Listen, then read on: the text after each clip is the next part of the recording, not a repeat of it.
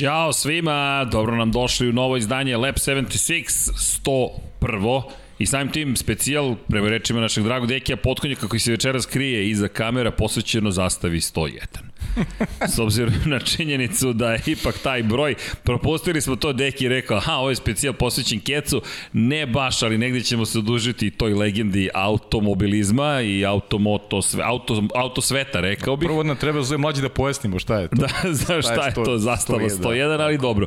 Zato smo u posetu zvali koga? Čoveka koji se vratio u grad Back in Town posle 78. izdanja Velike nagrade Monaka. Andrej Saković, Andrej, dobro nam došao. Direktno iz Monaka, kada si stigao? Sinoć. Sinoć, to, vreme. to je to, sveže iz Monaka da, da. stižeš, ali pre nego što krenemo, prvo da vam se zahvalimo svima, dobili smo ponovo neke poklone, lepe reči. Andrej, hvala tebi, zalepio si nalepnicu, ni manje ni više na odboj Noj ogradi. Lep Nisam ja, to sam našao tamo. Našao si, izvini, nisi zalepio, ti si ovekovečio moment koji da. se desio u Monaku. Da, moja greška. Da, pogrešno sam to razumeo šta se ne, događalo u Monaku, ali da, za, ta, ta, ta, tako je. Ja Kao sam čuo da su iz Mercedesa to zalepili. Pa Pot, vidi, po naredbi total... bile crvene boje. Aha, onda teško. Onda... Nisam siguran, znaš. Možda je to bio tribut Laudi. Ta, e, bravo, e, bravo. moguće da je to čas Niki Laudi. Koji su zaboravili, čini mi se, ove godine. Da, prošle yes, dve godine od kada je preminuo yes. Niki Lauda, ali nije bilo previše reči o njemu, ali u njegovu Bravo. čast pa je imao crvenu majicu za dan trke, ja sam imao zelenu majicu, pričat ćemo o njima. Pre svega da se zahvalimo još jednom, zaista je veliki broj poklona. Andri, ti si nam donio veliki broj poklona. Tu je zvanični katalog, tu je zvanični poster. Stižu, evo ih ovde još stvari iz Bahreina. Dakle, mnogo poklona i presrećni smo. Hvala još jednom. Još jedna stvar, hvala svima koji su učestvovali u akciji Budi Human za, za malog Gavrila. Dakle, svi zajedno vi ste uspori da skupite novac za, za, za, za još jedno dete. Pričat ćemo večeras, imamo tu jednog momka koji sutra slavi 23. rođendan, mada izgleda kao da ima 18 godina. Marko Sejzović koji hoće da podrži svog prijatelja zapravo, koji je takođe na, u akciji Budi Human, to jest, nažalost, potrebna mu je pomoć i mi ćemo pričati o tome. Luka Stojanović je u pitanju, ne možemo da, nekako da se pokrene akcija i malo poruka stiže na, na, na račun ovog momka i želi svog prijatelja da podrže veliki ljubitelj Formule 1, a i sticam okolnosti komšija, pa je u komšiluku iskoristio priliku. 928 za one koji žive u Republici Srbiji na 30-30.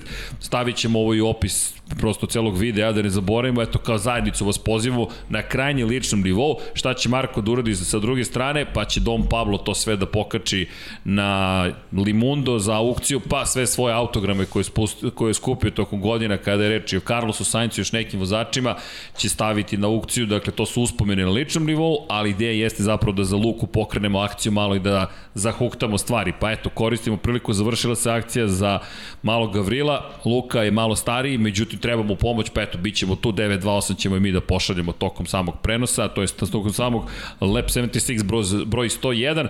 Pored toga, zaista mnogo događanja iza nas. Počet ćemo sada i tu priču o Dragulju iz Monaka i o tome kome ide i da li je rano priča o Kruni, već smo to započeli. Međutim, pre svega još jednom da se zahvalim i mi još jednom da vas pozdravimo ime cijele ekipe Infinity Lighthouse i Lab 76, hvala ljudi. A možemo polako da krenemo, a možemo i da krenemo sa onim čuvenim, naravno, gde god da živite, vodite računa jedni drugima, mazite se i pazite se i naravno pratite Formula 1 i MotoGP. Pored toga, gde god da ste, postoji neko kome možete da pružite neku vrstu pomoći koja god bila, kakva god bila, pa u kojoj god državi se nalazite, nešto može da se uradi. S naše strane, eto, mi ćemo se potruditi takođe da učinimo svoje. Marko, hvala Evo, Marko je to iza dona nam i kolače, s obzirom da sutra slavi rođendan. To ne možemo da podelimo s vama, ali eto, dobru energiju i dobru volju svakako hoćemo. A iz te perspektive da krenemo, naravno čuveno, udrite like, subscribe i sve ostale lepe momente. Pa jo, mi, smo, mi imamo čoveka sa lica mesta, pričat ćemo Andrej o tome šta si sve tamo video, čuo, fotografisao, imamo i mali specijal posvećen Maxu, kako je to izgledalo 2016. je li tako?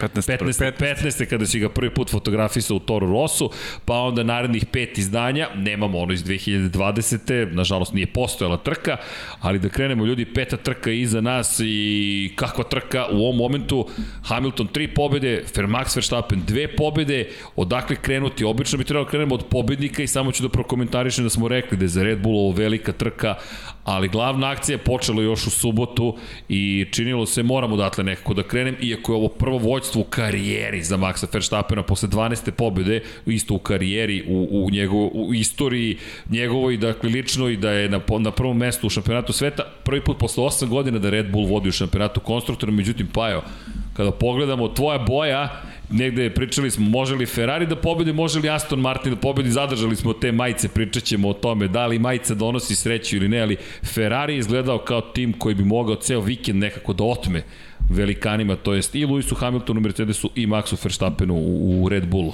Znači, krećemo od Ferrari, ja? Od pa, šta ti kažeš? Pa možemo, da, možemo. Ferrari, Ferrari je, pričali smo i gledali smo u četvrtak, zaista su bili sjajni, bez Leclerc na prvom treningu, Carlos Sainz koji je radio sjajan posao i to je ono što Uh, moram da priznam, ti si ga onako najavio kao lepo povećanje, ja sam bio skeptičan, pa kad može Niko Rosberg da se izvini ovaj, za, za pogrešnu procenu Carlosa Sainca mogu onda i ja, nije, nije problem. pa, svetski da. šampion. e, zaista, je, zaista je bio perfektan Carlos Sainz. I ono što mi se dopalo, onaj stav posle kvalifikacije, nije bio zadovoljan četvrtim mestom, smatrao je da može više. Baš je bio razočaran što je bio četvrti, jer je, on, je, on je sjajno funkcionisao i na tvrdim gumama. On je radio posao sa ekipu u, u trenucima kada Leclerc nije, Leclerc nije bilo stazi u četvrtak. I videlo se da Ferrari ima tempo. I zaista mogu se nagovesti da, da, da će se uključiti u tu bitku sa, sa Mercedesom i Red Bullom i prava šteta taj, taj epilog, tačnije taj epilog kvalifikacija, onaj incident Charles Leclerc koji je, koji je upropastio, da kažem, njegov vikend, e, ako gledamo učinak Sainca, čini mi se da je Leclerc imao lepu šansu da pobedi u trci. Sa pol pozicijom zaista teško bi mogo da parira Max Verstappen, naravno taj početak trke bi bio presudan, verujem, u prvom redu, ako da je izašao iz prve krivine e, kao broj 1, Leclerc verujem da bi, da bi pobedio u trci. Tako da to je neki utisak, čini mi se onako opšti utisak generalno kad je Ferrari u pitanju, ali pričat ćemo, naravno, vidim da me gledaš ovaj, sa, sa onom temom e, šta je Ferrari radio. Ja pa, mislim da bi Leclerc imao zaista lepu šansu da pobedi. Pa, pa vidi, e, Andrej, kako tebi to izgledalo na licu mesta posle subotnje te pol pozicije Ferrarija, pa i te drame tog incidenta koji se desio u kvalifikacijama? Si uopšte mogao da osetiš taj moment drame, da se događa na stazi? Pa, uh, ne znam dakle da počnem, da. E, ja sam bio možda jedno 15 minuta pre nego što je on udario, tu ja sam bio na tom mestu. Ima jedan naš kolega iz Slovenije, vi, čekaj, to si on pričao, da, čekaj, si uhvatio taj incident? Sad, u subotu, ne, ne, ne, nisam. Na, naravno da ne. Ne, zato što smo se svi prebacili, uglavnom smo se svi prebacili na, uh, na, na ulazak u pit lane da bismo sačekali taj čuvani park Ferme kada oni dolaze, jer smo očekivali da će oni tu stanu na stazu i da se ovaj, tu ovaj, uh, pojave. Ali, ovaj, I onda smo propustili to. Ima baš na snimku ovaj, naš kolega iz Slovenije koji je super, jedan fotograf, on je u tom trenutku menjao objektiv i on baš se vidi na snimku kako ovaj udara. Znači ja sam bukvalno slikao, tu ima neke slike koje sam ovaj, i, i objavio, da sam slikao baš kroz taj otvor gde on tu dolazi. Tako I... da... I opet čekaj, I prošli put smo pričali o tome. Znači, da... to, je, to je slika dana i onda se stvarno svi osjećamo, znači pogledali smo se ovako, naspram gledamo onaj ekran, šta se dešava, ne možeš ništa da uradiš, jer je sad isto uh, kretanje zbog uh, tih COVID pravila su isto ovaj, uh, redukovane, ne možeš više da se krećeš normalno, nismo mogli da se vratimo. Ali, ma, kaže, ma to je Hasan Bratić uhvatio jedan na jedan nije, poruka nije, GP Balkanci. Nije, on je, on, bili smo nasuprot jedan drugome na tom ulazu, on, u raska, iz, izlazi iz raskasa i u tu poslednju krivinu i gledali smo se ovako jedan drugo kao, pa šta sad? Znači, ne možeš, ne možeš, ne možeš da stigneš tamo da bar slikaš bolid kad... Mm -hmm. Trajalo je bar jedno minut, dva dok on nije izašao i sve, ali opet nije bilo moguće, jer su nam zabranili da prelazimo kroz pit lane zbog, jer je COVID, jer je zbog COVID pravila, ceo pit lane je red zona. Nije red zona za stajanje, se, bezbednostne red zone su postojale nekad u stazu gde mi ne smemo da stojimo, a sad postoji red zona, ceo pit lane je kao neka ekskluzivna zona ili te kako oni zovu balon. I tu samo određeni broj ljudi može dakle, da nisi mogao ni da osetiš tu dramu toliko, a publika, pa, najzad se pojavila publika Pa bilo je nešto publike, ali nije to to taj broj publike koji bi bio ovaj... Ali bio je zato pored malih ekrana. Ja da. mislim da nikad nismo imali veće uzbuđenje pred početak trke u nedelju, s obzirom na činjenicu da smo gledali Ferrari koji je na pol poziciji, Monačani na pol poziciji, specijalna kaciga za Charles Leclerc 1931. piše pobednik velike nagrade 1931. Louis Chiron, čuveni Monačanin koji je zabeležio tu pobedu pre Ljudi, 90 godina, jedno dolazi Charles Leclerc, osvaja pol poziciju, taj incident na kraju, I pa i ono što se ti podsjetio, podsjetio na, na da. Mihajla Šumahera i što su mnogi onda počeli da talasiju kako je kako je to Ferrari možda i najmrno uradio. Da, bilo je to odmah, prošlo je to kroz, svima kroz pa, glavu, to je ovaj na, na, verujem, namerno, da. namerno, ali baš toliko da, Ma, de, da, da uništi bolid. Ne, ne, stvarno, nije ni bilo, ne, stvarno, mi nismo pomislili da je namerno, ali ne, nije bilo zato prosto je srđan, jače od mene. Srđan je povezao to sa Schumacherom i odnos u susile društvene mreže ispade kao da je, kao da je kletva, ono, namerno je kao radio, a nema veze, stvarno. A, a znaš, znaš kako mi je bilo u glavi? E, kada smo, kada smo radili zapravo Formulu 2, jedan od momenta u okviru najve Formula 2 je prikaz u raskasi Mick Schumacher incident iz 2019. I prosto tokom, imali smo priliku da, preko, da komentarišemo sve tri trke Formule 2 i Porsche Supercup i kvalifikacije za Formulu 2 i kvalifikacije za Porsche Supercup i pričamo o raskasi Miku Schumacheru i prosto meni prođe kroz glavu Mik Schumacher, prikazuju ga raskasi, njegov otac 15 godina ranije u raskasi parkirao Ferrari i yes. onda mi je to ostalo u glavi kada sam video Leclerc crvene zastave 18 sekundi pre kraja na poziciji broja da rekao ljudi podsjeća, ne, ne kažem da je to uradio, nego prosto podsjeća na taj moment. Ti više niko ne može da osvoji pol poziciju. Max Verstappen kasnije smo čuli psuje. Valtteri Bottas da, koji da. kaže it figures kao i koji koji je koji, koji bukvalno nije ni krio e, bravo, da, da sad, mišljenja. Sad imamo imamo drugi moment, imamo drugi moment. Uh, to se dešava Lecleru da se nije dogodilo to što se dogodilo i Max i Leclerc su imali u prvom sektoru sjajne rezultate. E, pretilo je da, da taj rezultat Leklera ponište. Imali su bolji rezultat od Leklera u prvom sektoru u tom postijem izlasku na stazu. Da, Tako jedan, da ko zna šta bi bilo. čak bilo, ko, ne, danas da, sam slušao da, nešto. Da, Max je vozio, Max je vozio najbolji prvi sektor. Da, da. Max je vozio najbolji Jest. prvi sektor, a tu je Ferrari pravio prednost u odnosu na Red Bull. Da. U drugom sektoru je Max bio negde onako, kada, kada gledamo broj krugova u kvalifikacijama, bio je brži u suštini od, od, od Ferrarija. Tako da taj posljednji krug je u suštini, taj incident jeste pomogao Lecleru da, da ostaje na prvoj poziciji. Odmogao je možda Saincu da i on možda bolji, on je isto bio dobar. Tako je, ali odmogao, ali odmogao i Bottasu. Odmogu i Bottasu, prvi, prvi... Tri vozača, vrlo nesrećna. Sainz Tako je. koji je jedva čestitao Charlesu Leclercu, ali je čestitao. Tu jedino Hamilton nije bio na nivou ovih rezultata. Da, da. E, tu je, je samo Hamilton bio loš, kon, kon, konstantno loš. Nije ga bilo uopšte ceo vikend. Nije ga da. bilo, pogotovo drugi sektor je bio tragičan za, za, za Lewis Hamilton. Pa, I to je isto velika priča bila, da, da se ti kvalifikuješ. Pa to inače jeste loše. velika priča. Da. Jeste, da. koliko loše, pri čemu pričat ćemo, imamo mnogo tema i taj njegova reakcija posle trke, načina koji je bukvalno gurnuo pod, pred, pod autobus i gurnuo kompletnu ekipu, gde je sve sveo praktično na grešku ekipe, da on sa time nima manje više nikakve veze, ali ako pogledaš kvalifikacije čovek koji je svoju pol poziciju pre dve godine, završava kvalifikacije na sedmom mestu, Just. ok, čak i da je odvezao taj krug, nije delovao kao da je ka pol poziciji, peto, četvrto mesto u najboljim slučaju. Ali da ga ostavimo za, za kraj priče, da, kraj. ove, da ove heroje obradimo. Ali ove... u subotu še, heroj jeste bio Charles Leclerc, jeste bila bojazan da li će se nešto desiti i onda dolazi Ferrari, koji kaže pregledali smo bolid, apsolutno nema nikakve bojazni, ipak ne moramo da menjamo menjač, neće biti pomeranje pet pozicija unazad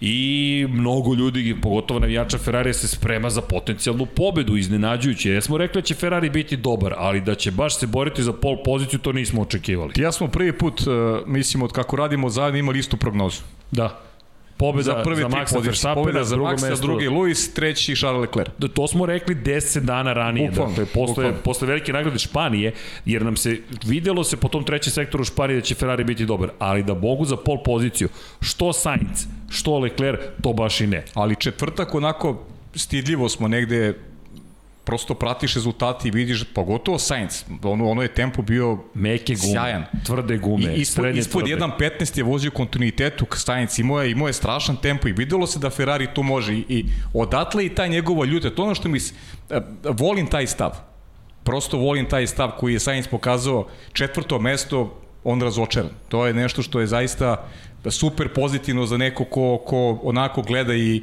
i u budućnosti ima ambiciju i zaista, eto, ova nedelja, meni ovu nedelju obeležio Carlos Sainz. Koji na kraju to bio drugi u trci. Yes. Ispred Landa Norrisa u McLarenu, koji peti bio u kvalifikacijama i deluje ti kao možda, ali ne veruješ baš u Monaku dve pozicije da će se nadoknaditi. No, priča je tek bila počela i tu dolazimo do Ferrarijevih mehaničara, pa i cijelog menadžmenta i cijele ekipe koja kaže, pregledali smo sve je okej, okay, da bi u krugu, pripremnom krugu Charles Leclerc prijavio ekipi da ima problem s menjačem. Parkirao pre nego što se za, praktično zatvorio pitanje, nisu stigli da izađu i kasnije dolazi informacija da je tim Ferrari je pregledao samo desnu stranu. Ljudi, Znaš šta, meni, meni je neverovatno uopšte da tako nešto izlazi u, u javnost. Znaš, da, meni je to neverovatno da jedan ozbiljan tim uopšte sebi dozvoli, ok, ste napravili grešku, pa sakrite. Poričite, lažite, sakrite, ne kažite znam. nije tačno, izmislite nešto, jer šta god da kažete, ljudi ne mogu to da provere. Ali da tako nešto javno ode u eter, meni je to nezamislivo. To je nivo, ne znam, ono deteta. Ali Kao, čekaj. Naš, zaboravio sam, ali, zaboravio sam da operem zube. Znaš, to je... A, a, a, ali ima, ne, ne, ne, opro sam samo gornju vilicu. Da, znaš, kao, jesi opro zube? Jesam, gornje.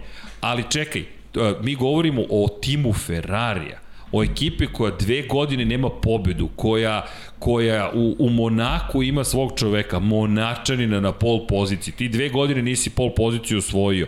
Ti juriš nešto što gotovo delovalo nedostižno i ti kažeš pregledali smo desnu stranu bolida. U, u kojem sistemu inženjerskom algoritam kaže pogledaj samo desnu stranu bolida. Znaš šta je misli svaki navijač Ferrari je mogao da proguta ono što smo rekli u prenosu? Uh, da su rekli, ok, bili smo svesni problema, nismo, želi smo da preuzmemo rizik, da ne izgubimo pol poziciju, da ne menjamo menjač, Padak startuje sa pet pozicija nižeg, ti u Monaku kad startuješ sa šestog mesta, ti si, ne, nema šanse pobediš u trci. Da, da. I preuzeli smo tu vrstu, mislim bi svaki navijač Ferrarija prihvatio taj argument. A ovo, nismo pregledali To sam ja sad čuo tek od vas. To je, ja, mi, mi smo komentarisali isto tamo na stazi, šta je nama isto bio šok. Znači, mi se sad spremamo tamo za uh, da budemo na gridu, ali ne može da budeš na gridu više zbog COVID-a, bili smo sa strane, u Monaku je to zgodno, pa smo bili sa strane i svi smo tamo fokusirani sad, prva tri bolida su tu, hoćemo li Hamilton da radimo, ne, on nije važan, teško je bilo šta da uradi, ajde da se fokusiramo ovde, čekamo, prazno mesto za Ferrari stoji i stoji, stoji. a mi nemamo informaciju u tom trenutku, nemaš vremena da gledaš i telefon, nema ni ekran jedan tu, mm. tek samo, ja pitam nekog od onih redara šta se dešava sa Leclerom, kao ne znamo, jedan novinar te koji se pojavio tu kao, evo, sad ću pogledam na Twitteru i pogleda, tu piše Leclerc je parkirao bolid. Mi nemamo pojma u tom trenutku šta se dešava uopšte.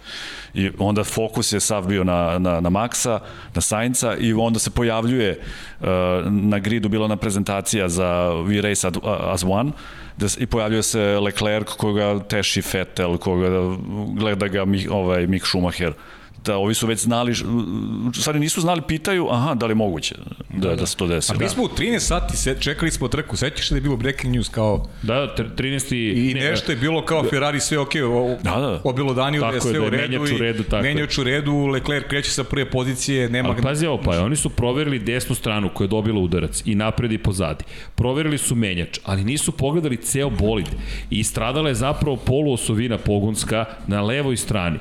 Ali, ok, to nije deo koji je bio udaren, ali kako možeš, ako već znaš da je bolid udaren, da ne pregledaš kompletan bolid?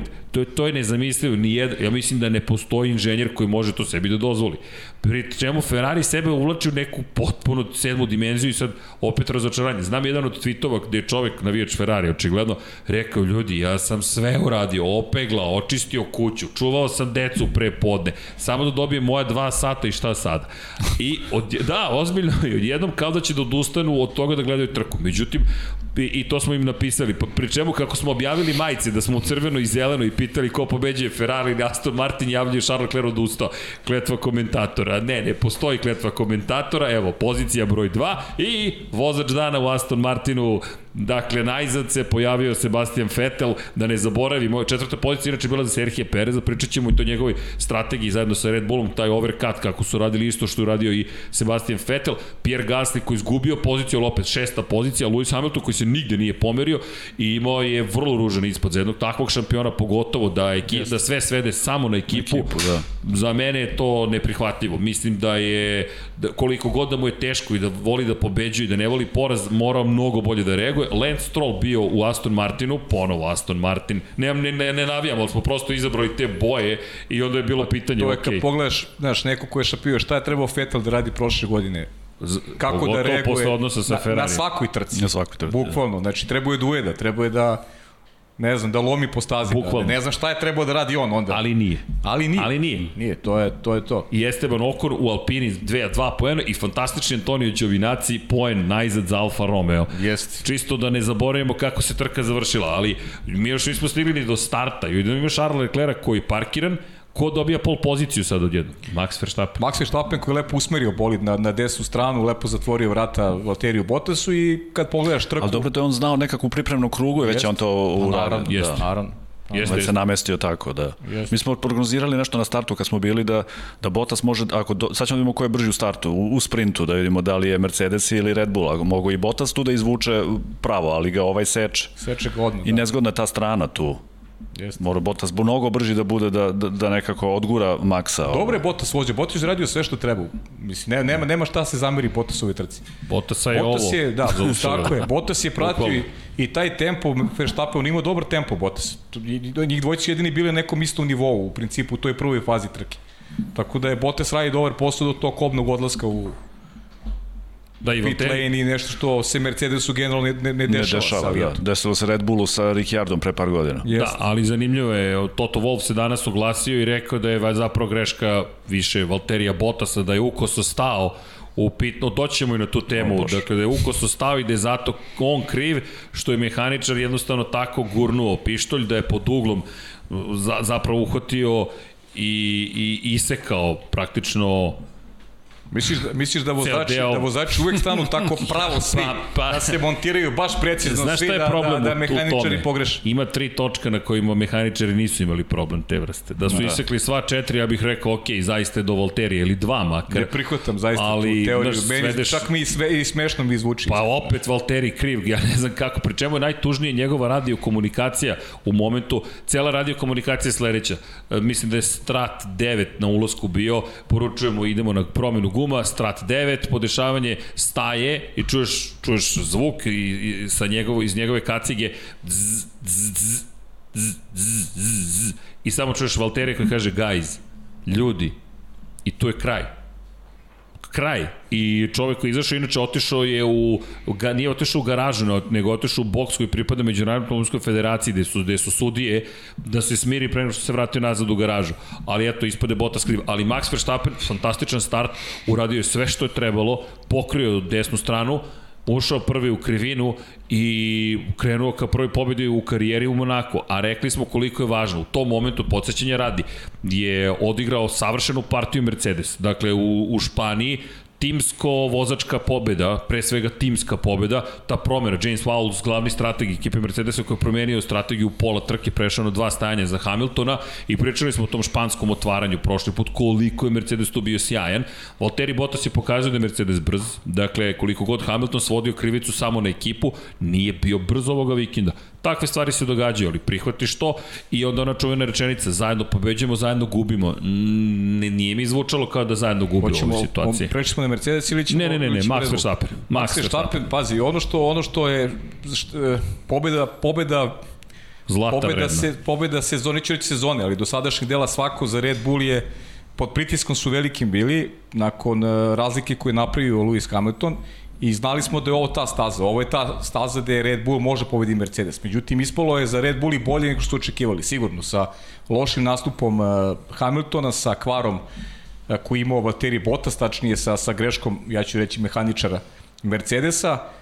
Sergio Perez kogoda nije na, na nivou Maxa Verstappena izvukuje maksimalno iz te trke. Četvrto mesto je jako dobro, s obzirom da eto to Red Bull omogućilo da preuzme lidersku poziciju u šampionatu, a Max je odvezao jednu Hamiltonsku, Hamiltonovsku trku, poveo od početka, vodio do kraja trke bez greške, dakle situacija u kojoj je onako odradio posao na, na, na maksimumu i prvi put pobedio u Monaku. Sigurno da je pritisak i Red Bulla podjedno kao i Maxi pobediti u Monaku, ipak je najveće dostignuće u Formuli 1, upisao si on u, u velikane i a, mogu samo sa većim optimizmom da čekaju sledeću stazu koja ne, onako nije po nekim njihovim potrebama kako god, ali ali imaju sada onako jedan lep, lep zamajac za, za, za Azerbejdžan. Andrej, kakva je atmosfera? Bio si jedno mnogo trka Formula 1. Zašto je Monako toliko drugačiji? Ti imaš priliku i da vidiš to izbliza, iz te perspektive. Kako izgleda to pobjedničko postolje? Kako izgleda sve to što se događa u Monaku? Zašto ga toliko spominjemo? Pa drugačije u odnosu na, mislim definitivno sve je drugačije u odnosu na prethodne godine, ali ipak i sad bilo, eh, oni su valjda objavili da će jednu trećinu kapaciteta ovaj, eh, dozvoliti publike i bilo je publike, eh, ali atmosfera je nekako bila kamerna ipak sa, sa tim brojem ljudi, ipak nisu sve terase bile pune, ne znam, ja sam neke slike tu i, i ovaj, o, vam tu prebacio. Ovaj, ne vide se da su sve terase pune, nisu ni oni brodovi, ni oni jahte, nekako je to ipak bilo sve, sve nekako tiše nego ovaj prethodnih godina. Ali ovaj i me, a, ne znam kako je vozačima, verovatno. znam kako je meni kad sam tamo na Formuli 1, na, kad, kad sam na stazi i kad prolaze ti bolidi i kad ti voziš onako, na, ka, oni kad voze na žileta, mi dobijamo eto, tu neku gumu po, kao suvenir po glavi, po ovaj, ovaj, ostatke gume. Ovaj, ima neku svoju posebnu draž taj Monako, to, to definitivno. Sad, šta je tu, ne znam, da li to što je gradska trka, što, čak i ovi bolidi zvuče ozbiljniji. porodica kad ti izađe i treba ti uruči trofej, kako to izgleda? Pa ne znam, nisam doživeo da mi, da meni, da meni uruče. E, ovo je sjajan kadar, Mick Schumacher. Da, malo tu sam prošarali, dodali smo i, i njega tu malo da gore. Ovde to ko ruši Dejan Potkonjak A Deki, ruši. da, Deki, Deki. Minira, minira. U Liverpoolovoj majici, ja ne znam da li slavi čovjek nešto ili ne, ali, ali okej. Okay. Ali ovo, ovo isto sjajan kadar, ovo je Fernando Alonso na prolasku, ovo mi djeluje kao Her, da je... Da, ovo je ukosnica, ukosnica do. jeste, da. kad se spušta, ovo je tipično, ovde čak nije ni prešao nek preko Ivićnjaka u suštini, ovo je, ovako bolidi se podižu generalno, to je tako... Zanimljivo je kako je on taj, nije samo on nekoliko još njega sam baš izabrao, ali ovaj, nisu svi tako gađali tu, ovaj, tu krivinu tako, ali eto on, on je tako preletao, mislim da je i Lando Norris isto tako ovaj, letao gore. Ovaj, ovo je sa, sa kvalifikacija, ne, sa treninga, trećeg treninga, ovaj, bio sam gore na hotelu, samo pa sam malo slikao i ove... Opet je slikao sa hotela, pa prošli put su zabranili Ne, ne, nije, nije to taj hotel, ovaj, ovaj hotel imamo dozvolu za, za njega. okay. ona, ona je definitivno zabranjen više, evo sad, žao što to nisam slikao, ali ovaj, da, francuski doručak. Da, i da se vidi kako, eto, i redari kako doručkuju da. kulturno. Da, evo je čuvena ukosnica. Ukosnica, da. Ali vreme je bilo loše, ovaj, oblačno je bilo, nije bilo nešto lepo za slikanje, pa te boje nisu takve. Ovaj, manje, manji broj gostiju, inače gore sve je isto. Ja sam morao da imam posebnu dozvolu od njihovog eh, ministarstva zdravlja da mogu da budem gore. Dobro, ali opet protokol. Monako desio se posle dve pa da, godine. Da, to, to je ono što je fenomenalno. I za Maxa Verstappena, kao što si rekao, ne samo 25 poena, nego pobjeda na jednom kultnom mestu. Prvi put u karijeri. Prvi put u karijeri. Ljudi, to je, to je posebno je, posebna je situacija u pitanju. Jednostavno pobeđuješ na mesto na kojem su legende pobeđivale. Ayrton Senna sa šest pobjeda je najuspešniji svih vremena. Graham Hill, pet pobjeda, Michael Schumacher, pet pobjeda. I onda kažeš, čekaj, to su ta mesta. Ima i pobednika po tri puta. Nico Rosberg slavio tri puta, Lewis Hamilton tri puta, mada Hamiltonu nije ovo baš pretredno srećna ili uspešna staza, to smo videli i ove godine, ali bez obzira na to nismo baš očekivali ovakav podbačaj s druge strane. No, Red Bull iskoristio svoje šanse i pogotovo Max Verstappen nije napravio ni jednu jedinu grešku. Čak i to što je nije osvojio pol poziciju, možda bi je osvojio i da ju nije osvojio, opet nisu to greške. Neko te pobedio u brzini, ali kada pogledaš njegovu trku pa, na mestu gde dva puta izvini za redom grešio i 2017. i 18. završio u zidu, on je ove godine odvezao baš precizno. Malo imao i sreću, ali... I to ti je moraš, potrebno ponekad. Moraš nekad, znaš, koliko su i rivali imali u prošlosti, tako da eto, njemu se sad malo otvorilo i, i, ovaj, i došao zasluženo do triumfa u, bez Leklera na stazi. Nismo rekli za Leklera, Lekler, eto, Monačani na nijednu trku nikad nije završio Monako. E, da, to je, to je da, to je bilo. Zaista. Ovo nije ni počeo čak, to je nevjerovatno koliko ga ona prati neka zla kop kada je, kada je domaći teren u pitanju. Mahove je tamo drugarima tokom treninga, ali u četvrtak ujutru. Ta jedna greška je napravio u suštini sami i kriv. On je napravio grešku kvalifikacijama preveliki zajedno u Steam. Pre, preveliki da. bio pritisak, tu mnogo se očekivalo njega. Znam da smo uh, smo mi čuli da će biti svega i svačega se dešava, da će ne znam princ šta da radi, da da će poseban biti tretman, da će svi brodovi da upale sirene u, u sve jahte u luci da proslave tu pobedu. Na kraju jesu i svirali su inače su, su i na kraju o, Dobro, bez obzira. Dobro, spremali za malo drugačiju pobedu. Jest, spremali su drugačiju pobedu, ali ovaj moguće taj pritisak pritisak, ali ima jedna fotka koju sam tu baš, e, ako sad pričamo tu grešku koju napravio, gde oni prolaze, izlaze iz bazena, koliko oni blizu prođu toj, ovaj, Jest. toj barijeri i to stvarno svaka njima čast tu kad voze. Nije ta, im, baš ima, ima Leclerc. Baš mada je ovo, mada da, to je to isto, isto mesto. To isto, mesto. isto mesto, ali fenomenalan je kadar kada pogledaš ove pobednik trke i zapravo i gde se vi nalazite u toj celoj priči, fantastične fotografije. Da, ovo je, sa, ovo je sa kvalifikacije, ali isto može na, na, na, na trci može isto da se stoji tu i to je stvarno onako na, baš blizu. Ove, ovaj, ne znam zašto, evo ga, da. To sve što smo mogli od njega da vidimo posle ovaj, Niste posle kvalifikacije. blizu. Ne, ne ove pretrku.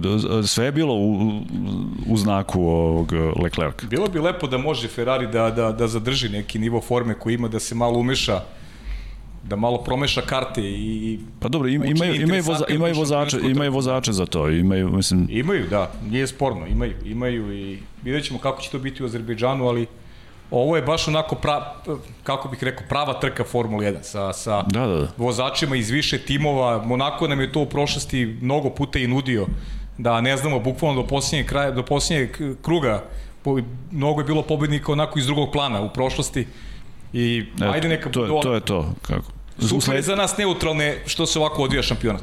Ali evo ga taj milimetar, dakle kada prođeš kako treba i jako brzo. Kada ne prođeš kako treba, lako je napraviti grešku, ali ta greška otvorila vrat, sva moguća vrata. Videli smo i koliko je bilo panoa sa likom Charles Leclerc, međutim Max Verstappen zvezda dana i ta velika pobeda, ne rekli smo Dragulj pripao Maxu Verstappenu i postavili smo pitanje da li ovo znači da otvara sebi put ka kruni, jer ne samo što vodi u šampionatu sveta Formule 1, već je napravio neku vrstu prednosti koja je minimalna i dalje, ali ima pobedu manje, ali vodi. Pa to... znaš šta, ima, ima dve pobede i tri druga mesta. Znaš, to, to je tako su osvajaju titule. Moraš da imaš kontinuitet i to je nešto što mu je neophodno. E sad vraćamo se onda u priču oko promene pravilnika, levo, desno, mislim da sad... Doći ćemo na to, doći ćemo na Azerbejdžan. Sada manje se po, potencira na tome u Red Bullu, jer prosto slave moment u kome se nalaze, ali mislim da će da će biti onako igrica tu do kraja sezone i neka i bude. Daj Bože da posljednja trka u sezoni rešava pitanje prvaka, to je nešto što, što svi želimo svakako. Pazi, sedma pozicija ovoga puta za Lewisa Hamiltona, najbrži krug trke, prošli put najbrži krug trke pripao Maxu Verstappenu, pol pozicija ovoga puta eto u rukama čoveka koji nije startovao, opet Ferrari i to će biti veliko pitanje šta može u Baku. Mislim da je Red Bull mogao da morao eto, to je možda moja zamerka Red Bullu, finiš trke što nisu Pereza povukli nazad i probali da dođe do najbliže kruga trke.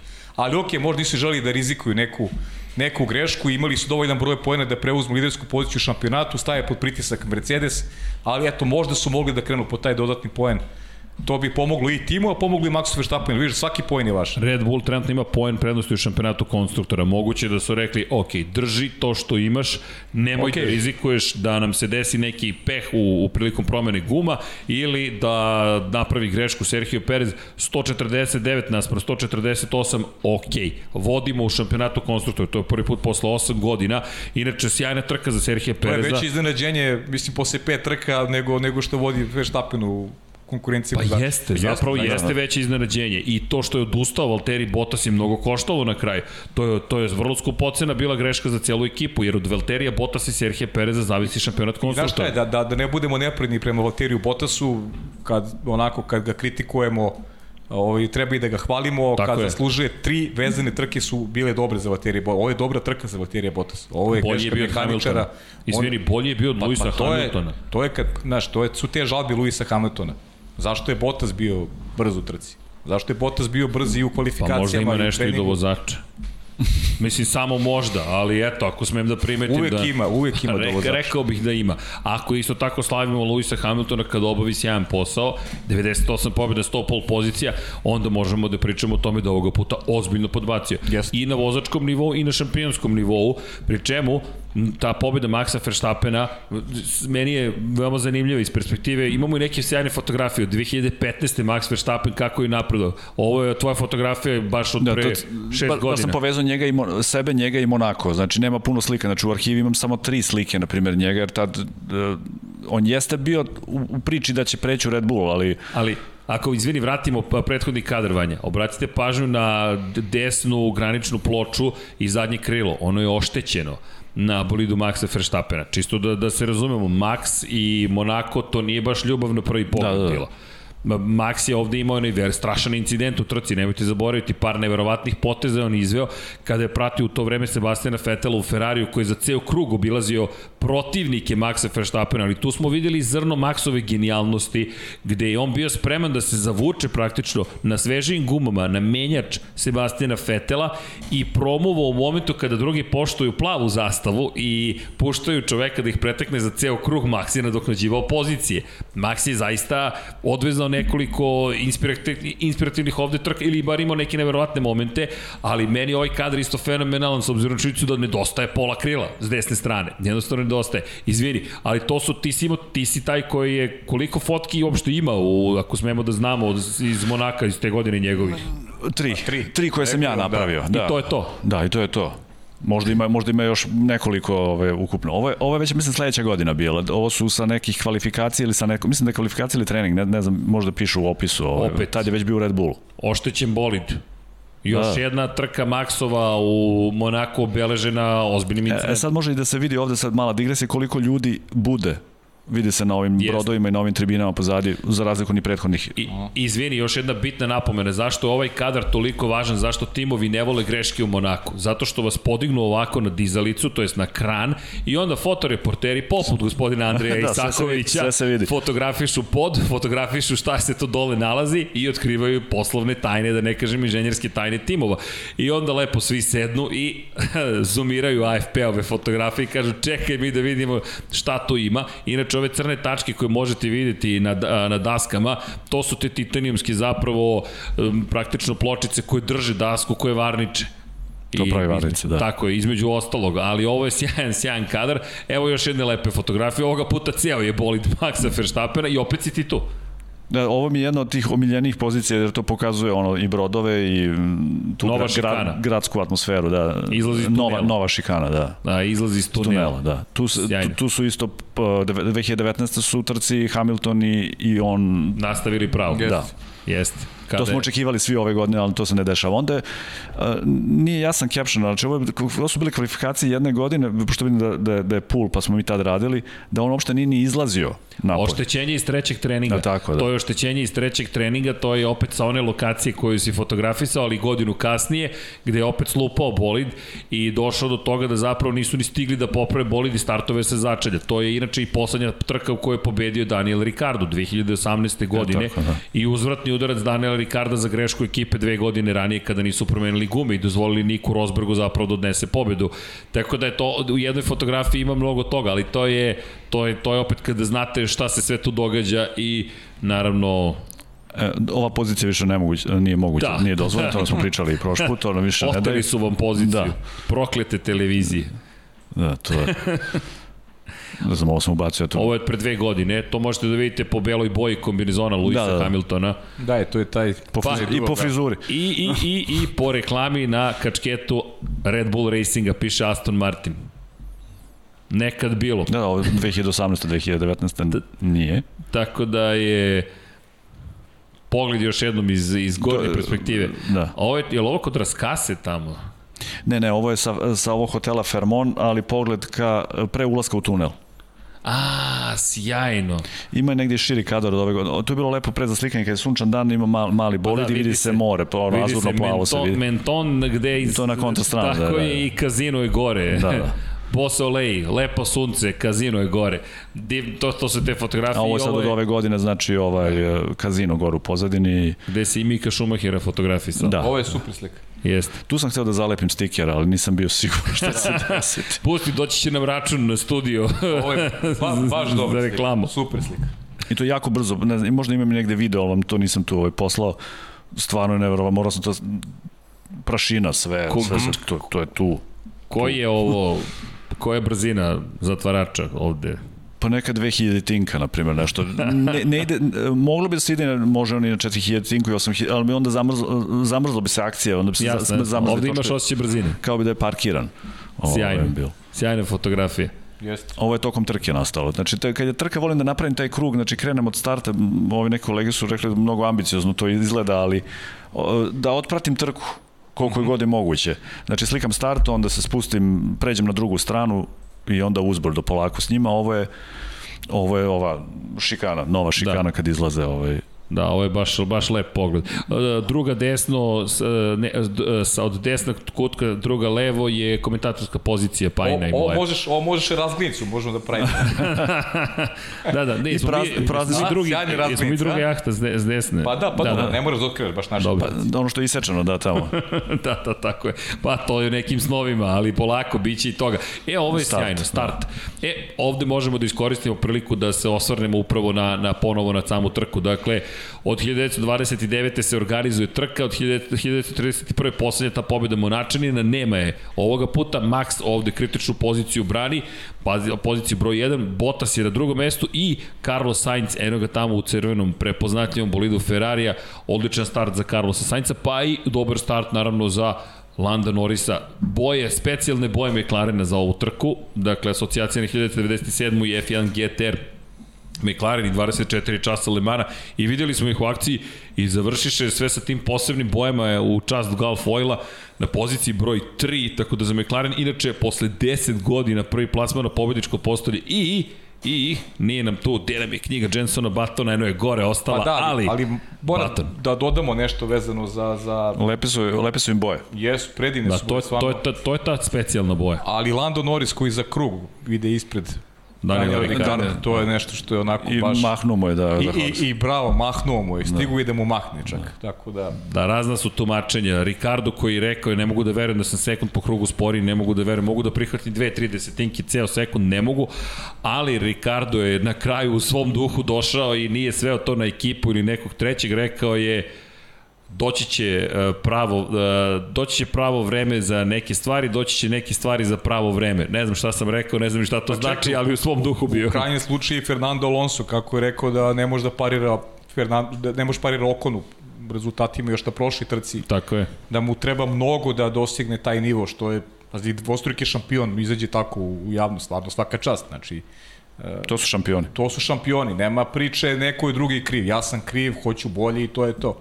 To je, to je pravi pristup. I onda da otvorim još jednu bitnu stvar, kada pogledaš brzine klubskih kolega, Sergio Perez bio deveti u kvalifikacijama, sjajna strategija Red Bulla, sjajna njegova vožnja da skoči na četvrto mesto, pa suštinski bi bilo peto da nije bilo odustajanja Valterija Bottas, zapravo bilo bi šesto da nisu odustali Leclerc, pa, ali... Pa, kad bi bilo da bi, kad bi, to je, možemo tako, je, tako da... Ali je četvrti bio trci, to je sjajno, jest, jest. ali ono što je meni fascinantno jeste koliko je Ferrarijev dvojac bio ovoga puta moćan. I Leclerc i Carlos Sainz. Carlos Sainz koji je odvezao fantastičnu trku. On, on čovek je nije napravio ni jednu grešku. Znaš šta je, treba, htio da juri čak da, pobedu. Da gledamo temp, misliš, Carlos Sainz je imao strahovi tempo. I rekao je da mi neko dao tempo. drugu poziciju pred početak vikenda, da bi rekao da, da. super. Ali sada... Nije zadovoljan. Nekako osjećaj da, Jest, da, da, da, da je moglo više. Sjajan je bio. I, I ono što je sve dopada kad je opet se vraćao na Ferrari, pristup Ferrarija, ono što smo pričali ti ja tokom treninga, Kakav je pristup i ono što je ranije radio Mercedes? Najviše su bili na stazi. I radili, i radili, i radili. Jeste. Drugi trening, ubedljivo najviše krugova. Radili, radili. Fokus je bio na kvalifikacijama. I kod Leclera i Sainca najviše potrošenog vremena je bio na treningu broj 3. Zaista su imali pristup savršen uz minimalne greške. Ona jedna Leclerova kad je u prvoj krivini, e, to je u, u trećem treningu, i naravno u kvalifikacijama doba Sainz bez greške. Izvini, znaš ko je imao od vodećih, da li znate ko je imao od vodećih 30 ili više krugova u treningu broj 2? Charles Leclerc 30, Carlos Sainz 32, Valtteri Bottas 32, svi ostali ispod 30 krugova. A eto. Najviše krugova u treningu broj 2 i tu se baš videlo da su rešili da rade. Baš su rešili da rade, mada pohvali za Verstappena u prvom treningu. To ono što su pričali krugova. i u predsezoni kada je Sainz došao, da će se i preseliti, da će živeti blizu Maranela da će biti konstantno nas, da će da će raditi naporno da se napravi jedno onako neka neka kohezija prava unutar ekipe i i daje to neke rezultate zaista mislim pa, ono to daje rezultate ovo je i Charles Leclerc rekao izvini da da se atmosfera promenila od kada je stigao Carlos Sainz. Pa to je to da je su svi nekako je, pozitivni u ekipi to je super zaista. Ja kažem bio sam baš skeptičan kad je Sainz u pitanju ali od momak iz trke u trku sve je bolje i bolje. Ozbi, ozbiljan Da, baš ozbiljno. Deluje ozbiljno. Pa kao što je, ovo malo što ovih poslednjih pet godina koliko pratim tamo na licu mesta, vidi se kako odrastaju. Vidi se i, i, i ne pa samo naš utisak, znači, njegove ozbiljnosti. Ozbiljnosti i Maksove isto, koji je bio onako jedna luda glava, da, da kažeš. potpuno promenio, da. jedan ozbiljan, ozbiljan vozač i ne samo vozač, ozbiljan lik ono, koji je tu. E, videli smo sva trojica reakciju Maxovu tokom. trke. Ne posle trke, nego, nego e, u onom kvalifikacijnom krugu kada je Charles Leclerc ima udes. Ona komunikacija sa timom.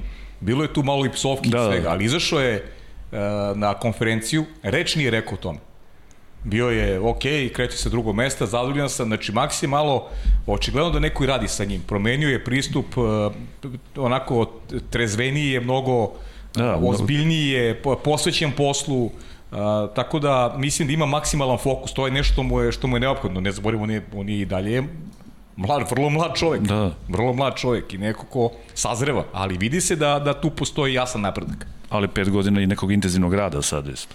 Ne, pokazujem, izvinjam se, gospodin Potkonjak je ovako srce, ima devojku. Uzbiljio se, znaš, ali to... Dobro, da. Stigli su u Luku Monaka, to, usidrio se. I to deki, i to deki stariju, tako da... Vidi ovaj rad. Da. Isako, I tomu pomaže. Ali pazi ovo, Isaković, Potkonjak, Milićević, kombinacija. Kakva saradnja. Kakva, kakva saradnja, saradnja, bez razgovora. Mi smo ovde višak srki. Mi smo višak, fotografija je tu. Deki suflira, Vanja realizuje. Ništa, idemo ti i ja, Pajo Pa inako se nismo presvukli od nedelje, vala red je. Pa da. Ali ovo je sjajan kadar. Što ti kažeš, odrastaju. Ali vidi se kod njega, znači to sve, bili smo jako blizu, imali smo, eto, ta je sreća bila da smo u toj poziciji bili kad se završila trka, da, da, da se vidi da je on imao, ovde kao da ima potrebno da je još sa, nekako sačuva, ima taj dah još, kao da e, još je snage imao. Vidi se tu da mu je, to što ti pa kažeš, znači da, da mogao je bolje. To se kod njega videlo. David Coulthard koji mu je rekao čoveče nisi se ni oznojio, da li je Bravo, moguće jest, jest. i Sainz je rekao pa kad treniraš nije problem, da li ti treniraš. Inače pozdrav za našeg drugara Žarka koji mi pričao u Exam Provence kada je pred, pre 15 godina išao, kada je još Coulthard vozio za Red Bull i kaže bukvalno smo otišli u Exam Provence u, u, turistički i kaže vidim biciklistu sad deluje mi prepoznatljive boje, prepoznatljive kaciga. I kaže ovo je kultar, di stada ispred čoveka zaustavi ga i kaže stani ja moram da se fotografišem s tobom. Kaže on je bukvalno vozio od podnožja gore na Exam Provence popeo. Kaže to je takva disciplina i kondicija bila da je neverovatno ali kultar koji je rekao uplaši me čoveče mislio sam da me otimaju otprilike. Ali čovjek je samo hteo fotografiju. Ali kultar je nekada to isto znao da radi. Ali to što ti kažeš još je snage tu bilo i to se baš vidi baš se lepo vidi inače divna fotografija. Lando Norris i te posebne boje za specijalno za, za, za veliku nagradu Monaka. I imaju interesantan odnos njih trojica isto. Na, Sainz, Verstappen i Norris. Da, posebno Sainz i Lando Norris, nekako to je... To je ono što pa je da, ostalo iz McLarena, da, da, da. Nešto ima tu. Da. Zanimljiv je podijum taj. Zanimljiv je podijum, da. Prelepe fotografije. Naravno, ništa drugo ni ne očekujemo, ali opet lepo je videti ovoj divitici i ona izjava Maxa Verstappena. Norris je ovde lepo izvežbao kako se, kako, on je najbolje tu, on je sve vreme držao ovaj mlazi, upropastio ih je sve. Jeli, Norris, da li znaš za njegovo otvaranje boce kada udari o, o, o, o tlo i da se sama otvori? Ne znam da li znaš, to je pokušao Celestino Vieti, to je vozač u Moto3 kategoriji, sad je u Moto2 prošle godine, iseko je ruku jer nije znao da koliko je Norris precizan u tom otvaranju flaše. Sad čovjek da se zapita kako i zašto toliko precizan, ali ok, precizan je. I sad mi ti kažeš da takođe kad se otvori flaša je vrlo Držao, taj, taj, taj mlaz je trajao. Oni su mislili da će to kratko, što to trajalo, trajalo, trajalo. Očigledno da Lando ima neke posebne veštine, ali to je to je i to je isto je okej. Okay. E da, i bila je Serena Williams prisutna.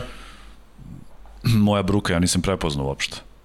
ok, to, to sam posle na fotkama video da je ona mahala onom za, jest, zastavom jest. i bila je posle davala intervju nije mi bilo jasno zašto ovoj ženi, da što je drža toliko drugo pred kamerom, da bi ovaj meni druga rekao, pored, pa to ti se Reno Aha, dobro. okay. Nisam očekivao da će biti uopšte, neko da. da moja... Ej, meni mora priznati me malo, uh, nisam rekao u prenosu, bilo malo nepotrebno taj poziv kultura da, da Uh, razgovara sa Maxom Verstappom pobednikom trke, on zove nju da ona komentariše malo. Mislim, A mislim da, da je to bio deo plana, znaš, pa, da je to deo ali, promocije. Mislim to do sad dešavalo, možda je to nešto ad hoc nije, nešto se desilo. Nije da. se do sad dešavalo. Bio Beckham pre par godina pa se nije. Tako je, apsolutno I drugi su bili da. pa.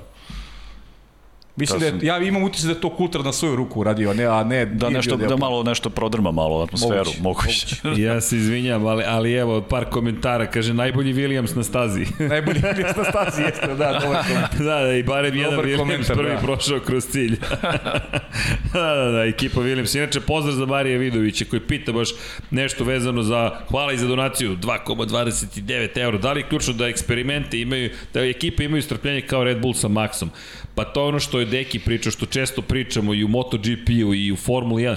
Ljudi, došli smo, pa to i Vanja priča 99 yard, došli smo u period kada imaš jednu, dve godine i čao. A kada vratiš se malo kroz vreme timovima, ljudima, potrebno je malo više vremena da, da, da dođu do sebe. Ali ono što Tako da ja mislim da je važno da ekipe imaju, slažem se, ako je, ako je Mario to tvoje mišljenje, je moje, ja sam mišljenje da treba da imaju više strpljenja ekipe za, za svoje vozače. Naravno, pa i da im pruže veću podršku, ali isto to važi i za Red Bull. Red Bull je imao strpljenja samo za Maxa Verstappena. Svi ostali su imali pola godine i to je bilo to. Pa što dobro, opet mislim, govori nije, u prilog tome. Nije ni to slučajno što su imali Ovo je lepo videti. Maxa, naš. Skok, redari koji su tu da, da, da pomognu. Ma oni su tu kao da, da, da brane, ali on ih, on ih je nadskočio. A, dobro, ali...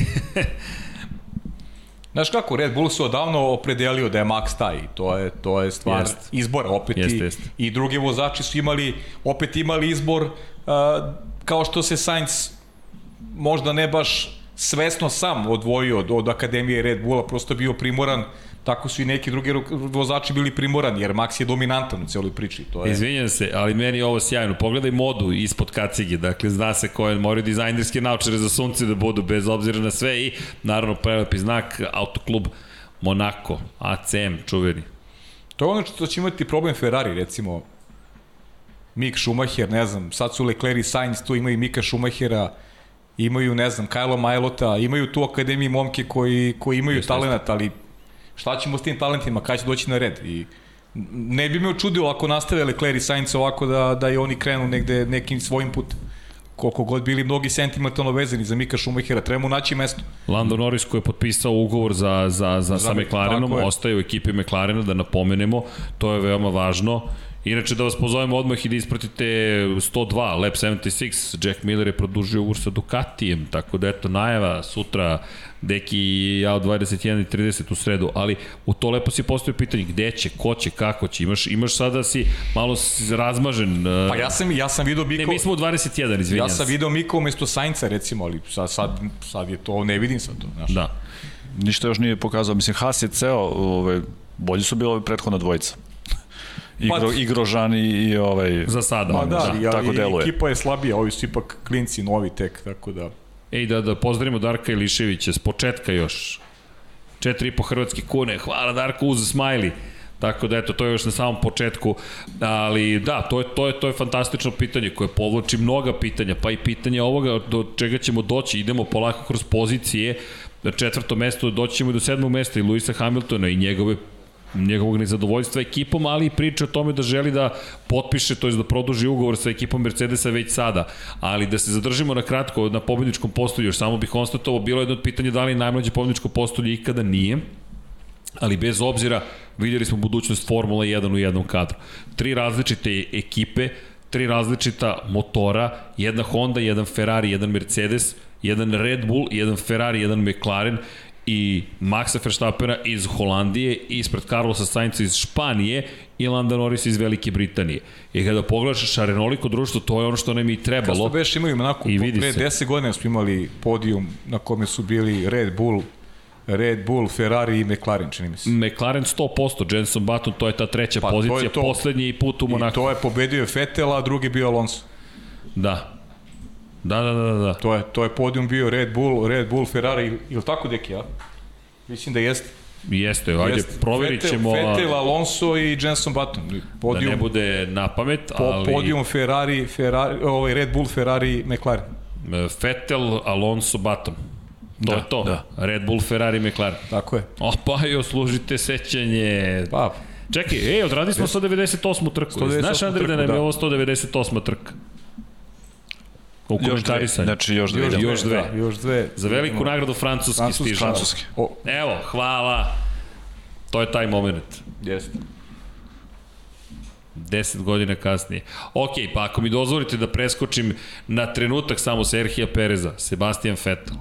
Peta pozicija, ljudi, i jedino obilaženje koje je obeležio ko? Lance Stroll i čuveni režiser velike nagrade Monaka koji je postao internet meme. Ne znam da li si ispratio, Andrej. Ne. Te, ja, ja, ja ne znam, Vanja, to, to ne znam da li smemo da prikažemo, ali bukvalno ovako ide prenos. Dakle, izlaze iz, iz garaže, izlazi Sebastian Vettel. Pierre A, Gasly brani, Luis, se brani protiv Luisa Hamiltona. Vettel je sa desne strane, oni uzleću uzbrdo, kroz, isprošli su krivinu broj 1 i kreće da brani svoju, to jest pokušava da se vrati na svoju poziciju Pierre Gasly. Vettel koji ne znaš da li će da pusti gas, na prljavu stranu ide gde su ostaci guma praktično, ide Gasly i u tom momentu Menja se, menja se kadr. Lance Stroll. I ti gledaš Lenca Strola. A to sam ja vidio na snimku da, onda. Kako pravi, e, hvala ti za Lenca Strola, Vanja. Jer smo, ovaj, a hvalili smo ih kako, hvalili smo retelja kako bira dobre ovaj momente u trenizima, u kvalifikacijama, ali ovde popuno se čovjek izgubio najlepši detalj, najlepša borba koja je svela na stazi ona, ona, mi, ona se isključio. Pa s izuzetkom toga što je Mick Schumacher pretekao Nikitu Mazepina u šestoj krivini za po 19. predposlednju, 18. I to, poziciju. Pa dobro, to je logično. to je logično. Da. Mi jedino preticanje na stazi nismo dobili, ali to je toliko sada ozloglašeno postalo da su čoveku sada sva uzbuđenja iz istorije Formule 1 počeli da kače. E, I kažu, velika nagrada Španije u režiji režisera Monaka 2021. Jer očuveni onaj udarac između Rosberga i Hamiltona i Lance Stroll. yes, Tako da, yes. nešto, Lance Stroll postade sada i Lance Stroll. Tako da, eto, može da postoji i on. Ni kriv ni dužen čovjek i njegova greška na izlasku iz iz 16. krivine kako preskače Ivičnjak i svi oko u šoku gledamo i ja, nemamo komentar nik.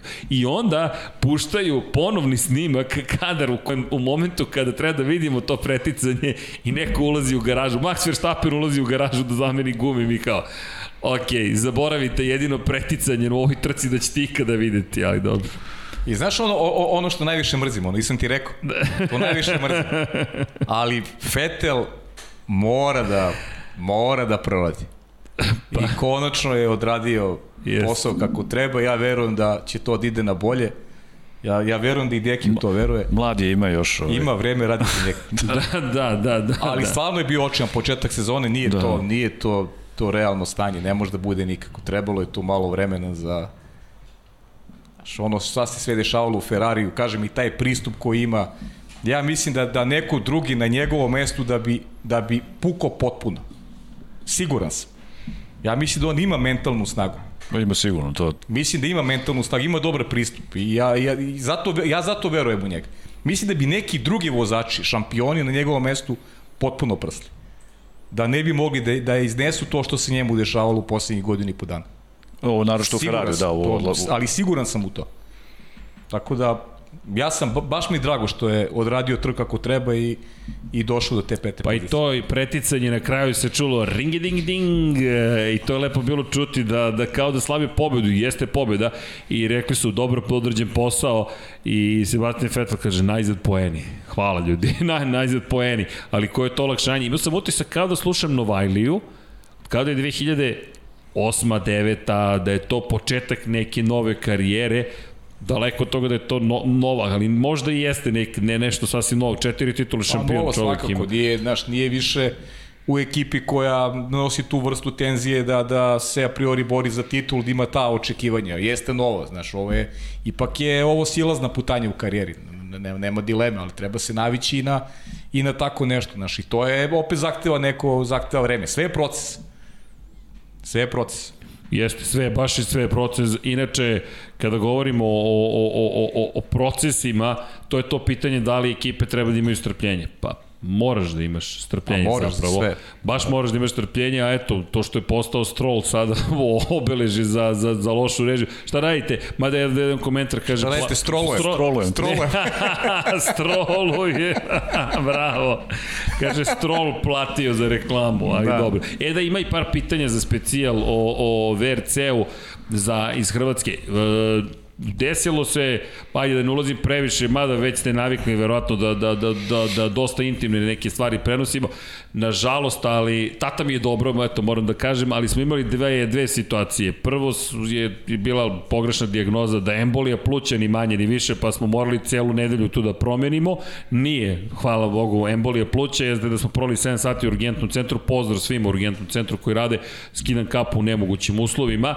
Pogrešna bila dijagnoza, ali s embolijom pluća nema šale. To je, to je, to može biti fatalno, tako da smo odjurili, a onda je tata 7 dana kasnije slomio ruku pa smo morali na operaciju ruke. Tako da ne bi trebalo te stvari da utiču, ali ja nisam taj profesionalac koji će da kaže tata je u bolnici, ja ću da radim podcast, nemojte pogrešno da shvatite, ali u tim situacijama ću odložiti neke stvari, mislim da ipak tata i porodice imaju prednost. Tako da se sve onda poremetilo, a ljudi koji trebalo da nam budu gosti imaju svoje obaveze i onda kad jednom ispanete iz ritma, bili su puni Inače, pozdrav za, za Igora Markovića koji, koji mi je na ličnom nivou pomogao tog dana da sve brzo organizujemo i eto, kad ste brzi u reliju, brzi ste i u tim nekim situacijama. Da, bit će podcast, znači. Biće podcast, tako da znate, pa smo onda morali sve da promenimo. Onda kad se jednom poremeti, znate kako kao na kada avion poleće, kad jednom ispadneš iz onog svog slota koji ti je namenjen, onda se sve nekako poremeti, a i trebalo je specijalo Šumacheru nedelju dana pre toga da bude, pa itd. Tako da ne zamerite malo, ali bit će. Tako da znate, nemojte ništa da brinete, radimo na tome, samo što eto, de, de, desilo se. Inače, da, neko je ovde podsjetio prvi, ne mogu više da pohvatam, to kaže, e, ljudi nemojte zaboraviti, Đovinaci je pretekao Okona u Mirabou, u petoj krivini. Moram priznati da sam to propustio da, da uočim, ali eto, ima nekoliko ja sam, ja sam komentara. Tako da Antonio Đovinaci skidamo. U, čekajte, do, imamo još gostiju, stigli su nam Ivan i Milica. Pa Milica koja nam je stigla, je tu? Nije, jeste. E, pozdrav, uvijek, tek ih sada uvijek, vidim. Da, da. I to u McLarenovim bojama su neki stigli. Dakle, ok, veliki pozdrav. Da, posljedimo Đuvenaciju na kraju, ajde, nismo još, tre, tre, da, da, da, tek smo došli do Gaslija, Fetel, Gasli, imamo Gaslija to, to. još. Da, ali ne, ne, ne, samo da napomenemo, samo eto da, da pohvalimo da, to preticanje, da. jer ipak sam da, propustio priliku. Znaš da si jedan slavna džuvinacija, tako da. da. Znam da si, vidim da si već spreman da, da, da. u niskom startu, ali da, da, da zaključimo sa Fetelom, ljudi, nije ova majica slučajno obučena, čekajte. Jesmo dobro prognozirali, eto, jedno pobedničko postoje i vozač da, dana. Dobri smo bili u nedelju. Da, to, to smo sedeli. Vodu pijemo pred početak prenosa i najđe Dom Pablo i kaže, čekaj, ovo mora da se ovekoviči. Dom Pablo je svugde. Pa nema, nema bez Dom Pablo. Ja, na, na, na Instagramu sliku sam. Jeste, jeste. jeste. Da, a, pa, Pa eto. u svakom slučaju... Ne, lepa trka, da, lepa, lepa trka, trka jeste. Pobeđivo je tamo dva puta, prijelom, očigledno, kvalifikacije su bile dobre, trka dobra, strategija za Aston Martin dobra. Pa takmičari, on je, on je, Fetel je takmičar i ono, radi sa timom, radio je uvek, osim u Ferrari prošle godine kako je prošao, ali yes. takmičar je, to, to definitivno. Da. Jeste, jeste, jeste, pa svi su ta, ali vidi, ti gledaš ono što je meni fascinantno u svim tim karijerama, jeste i pogled na teške trenutke. Meni je to fascinantno. Mi smo videli Fetel u njegovom najtežem trenutku i nije se sklonio od kamera. Jer e, lako je kad sve ide od ruke. Sve je super, sve je sjajno, ja, mi smo šampioni, sve je rekao, fenomenalno. Naš, ima neki, neki drugi sada? njegovo mesto bi potpuno prsli, ja sam u to siguran. On se dobro, on se nosio sa tim. Evo da najbolje zna on kako te, se osjeća. Teši Leclerca na početku, ovaj, na, na, na gridu bilo kad smo saznali da Leclerc neće startovati, onda ga on ovaj, Da. Ali ka, Evo, fenomenalan kadar koji da nešto da mu je rekao. Da. da. A bilo je puno te priče o tome da se ne podnose jedan i drugi i da prošle godine u Ferrari između njih dvojice postoji ozbiljna tenzija. Ali to je samo bitka za to ko će biti brži, kome pripada primat, to, to nikad ne gledam nekako na ličnom nivou, makar trenutno nemamo te situacije. Vettel imao, imao prednost kada je došao Leclerc unutar Ferrarija i to je bilo to. Leclerc iskoristio svoju šansu i Pa smena, smena generacija, ali to je ono što mene, mene, mene baš zanima koji tim radi sa, evo, Red Bull ima tu, on ima sad, ima maksa za naredni period, ali ovi Mercedes koji je njima, koji je novi, ko će da dođu? Pa evo, kažu, kažu Rusi, Rusi kažu da, da je Russell taj koji će 2022. da se očekuje popolo nova postava. Mhm. Mm to su ta, tako pišu, tako ruski mediji pišu sa šta će da, mislim, ne, ne znam odakle mi informacije, ali sigurno će biti tih spekulacija dokle god Mercedes ne saopšti zvanično uh, postavu za 2022. godinu. Ja ne verujem iskreno u to mogućnost da će Russell doći u Mercedes, ali ko pa, zna šta se valja. Ajde da otvorimo, izvini, temu. E, otvorit ćemo temu. Ajde prvo da završimo sa Gasli. Mislim Ajmo da je tema, ga, mislim tema da... ovo što se dešavalo, što da, se da, dešavalo pa, sada. Dolazimo od toga, ali, ali treba da ispoštujemo Ali treba da ispoštujemo Gasli zato što je Gasli pre dve godine bio peti ovde. Pierre Gasli opet odvezao dobru trku u Monaku i Pierre Gasli je više više nije nikakvo ni iznenađenje, ni senzacija. Senzacija je kad Pierre Gasly napravi dobar rezultat. Ovo je najbolji rezultat ove godine, šesta jest, pozicija, a mogo je čak i peti da bude. Mogo je da bude i peti, jeste. Mogo je da bude i peti. To je izgubio tu bitku sa, sa, sa Sebastianom Vettelom, da. Ja, ali zanimljivo je, zanimljivo je zapravo koliko je overcut ovoga puta bio predominantna e, strategija, da ti, mi smo, mi smo se baš dosta fokusirali zapravo na to da da vidimo kada će biti promene guma. Ajde, toga se nismo dotakli, nekako toliko je bilo uzbuđenje tokom same trke da je ostala ta priča zapravo o tome šta je ko učinio kada je reč o izboru guma.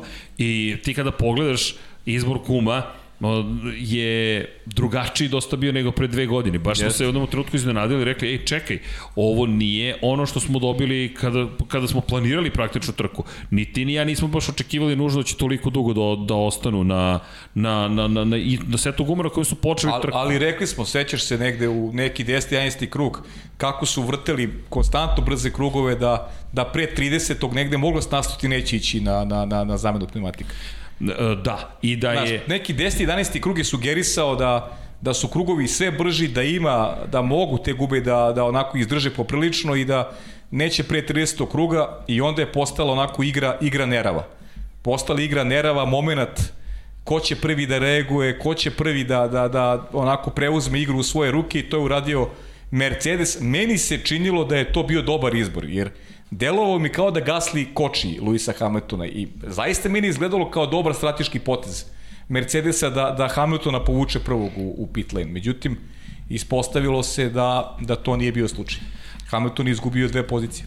Da, ali to je ono što se ređe viđe u Formuli 1. Obično taj čuveni undercut Jest. igra glavnu ulogu, to jest da odeš prvi na zamenu pneumatika, i da samim tim u tih prvih nekoliko krugova ili jednom krugu na novim gumama ti postavlješ toliko bolje vreme da zapravo do momenta kada tvoja konkurencija promeni pneumatike ti si već ispred. Ređe se dešava overcut. To je, to jest da ti moraš da ostaneš duže na stazi da bi pobedio. Znaš na šta me to potećalo? I, hva, oh, hvala Vanja.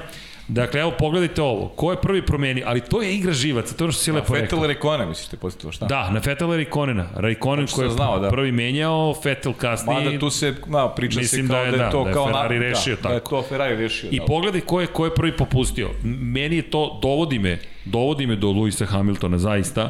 Hamilton koji je loš bio u kvalifikacijama, jedna prosečna vožnja u kvalifikacijama, je to bilo za Luisa Hamiltona sedma startna pozicija i u samoj trci nijednog momenta nije ugrozio nikoga. Teško je to u Monaku učiniti, ali ništa nije učinio ni na startu, ni u nastavku trke. Međutim, Vanja, ako možemo da dobijemo ponovo onaj kadar, mnogo je važan kadar. Ako se vratimo na, na, na, na pit stopove koje smo imali u 2019. godini, mi smo tada pričali o tome da su posle 11 krugova zapravo menjali gume. Sada mi čekamo 29. krug da bi neko povukao prvi potez. I ono što je fascinantno, u momentu kada Verstappen postavlja neki od najboljih krugova, Vettel i Gasly imaju identična vremena i on ne može da se skloni od njih, ne može da ih očisti, nema clearance, dakle ne može da dođe do 20 sekundi prednosti i da bude bezbredno ispred Vettela i Gaslija. Samim tim, Verstappen mora da sedi i da čeka, i da čeka, i da čeka, i da čeka, nema gde. Hamilton prvi povlači potez i Mercedes nije loše razmišljao. Imao je čist nije. put ispred sebe. Jest. Ali Hamilton spori. Nema te brzine. Niko nije imao brzinu, ali nije imao ni Hamilton. Kada si ti sedmostruki svetski šampion, kada imaš 98 pobjeda, 100 pol pozicija, od tebe se očekuje ta dodatna brzina. Ja mislim da, nije da, da tim ništa nije kriv. Slažem se, Za, mislim da, kriv, da, da je Mercedes iz mog ugla povukao dobar potez. Zaista. Jer je bilo evidentno, pratimo vreme konstantno, imamo priliku da pratimo u kabini konstantno vreme i moment kada se Hamilton približava Pieru Gasly. On ne može da prođe Gasly. Njega Gasly objektivno koči u tom momentu. On ima bolji tempo. Šta je uradio Mercedes? Povukao, povukao Hamiltona u pitli. Jedino, jedini logičan potez je, je, je bio to. Ukoliko žele da nadokne poziciju. Zašto to nisu uradili? Mislim da je više pitanje za Luisa Hamiltona, manje za ekipu. Mislim da je čak i promena pneumatika bila dobra. Jeste, on je imao prazan put ispred sebe. Ali, I brza, mislim, on i brza. 2,2 sekunde. 2,2 Pa ne možeš da tražiš bolje od toga. I onda ako se vratimo na, na, na, na, pit stopove, krećemo od Hamiltona, što je Hamilton prvi povukao potez. Gasly odgovara u 30. krugu, onda u 31. dobijamo stroll moment, jednostavno ne vidimo ništa. I ono što je, nažalost, situacija, pogledajte Bottasa pred nulu, Leclerc koji je odustao i Bottas koji je odustao.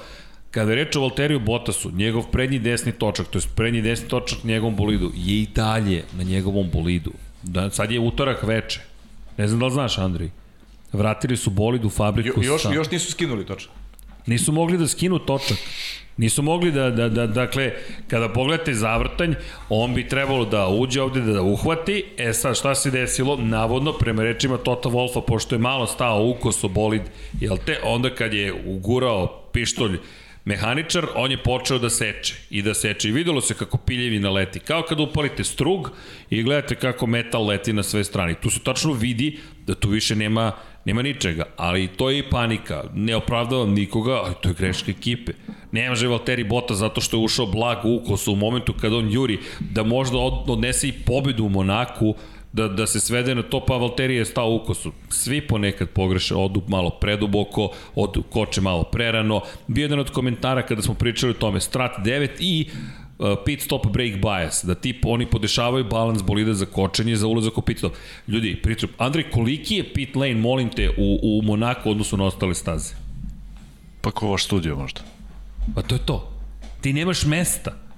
Ovde, na primjer, tu, tu je gde on staje, ovde, su, ovde je garaža, ovo je možda onaj, ona staza do pit vola. Mislim, tamo nema pit vola, nego ima onaj prolaz. E, to, toliki je. I to je to.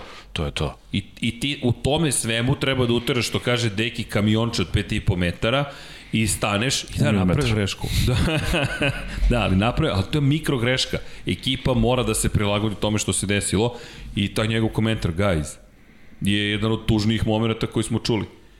Pored toga, Valtteri Bottas je sada izgubio poziciju šampionatu sveta. Ne samo kada je reč o Mercedesu koji je gubio šampionatu konstruktora. Valtteri Bottas koji se izborio da ode na 47 bodova, pretekao Charles Leclerc u toj pri... To je Charles Leclerc. Uspio da pobedi Landa Norrisa za početak, Landa Norris koji se sad vratio na poziciju broj 3, Sergio Perez je sada na samo 3 poena u odnosu na Valterija Bottas. Da, bit će tih roller coastera do kraja sezone Biće grešak i s jedne i sa druge strane. To je, ova trka je pokazatelj, naravno i pod kakvim pritiskom su svi, pa, pa i Mercedes. Mercedes se dugo nije suočavao svake stvarima, oni su imali... Nije. Toto Wolf imao samo, imao je e, samo jednu stvar koju morao da reši. Da objasni Valteriju Bottasu da je on vozač broj 2 i da njemu, da nema tu šta da se polemiše mnogo. Kad ti kažemo propustiš Hamiltona, ti ga propustiš i to je to, uradiš ono što se od tebe traži. E sada imaju, imaju rivale na stazi imaju ozbiljan Red Bull i odjednom se pojavljuje Ferrari i pojavljuje se Lando koji možda iskoristi svaku grešku.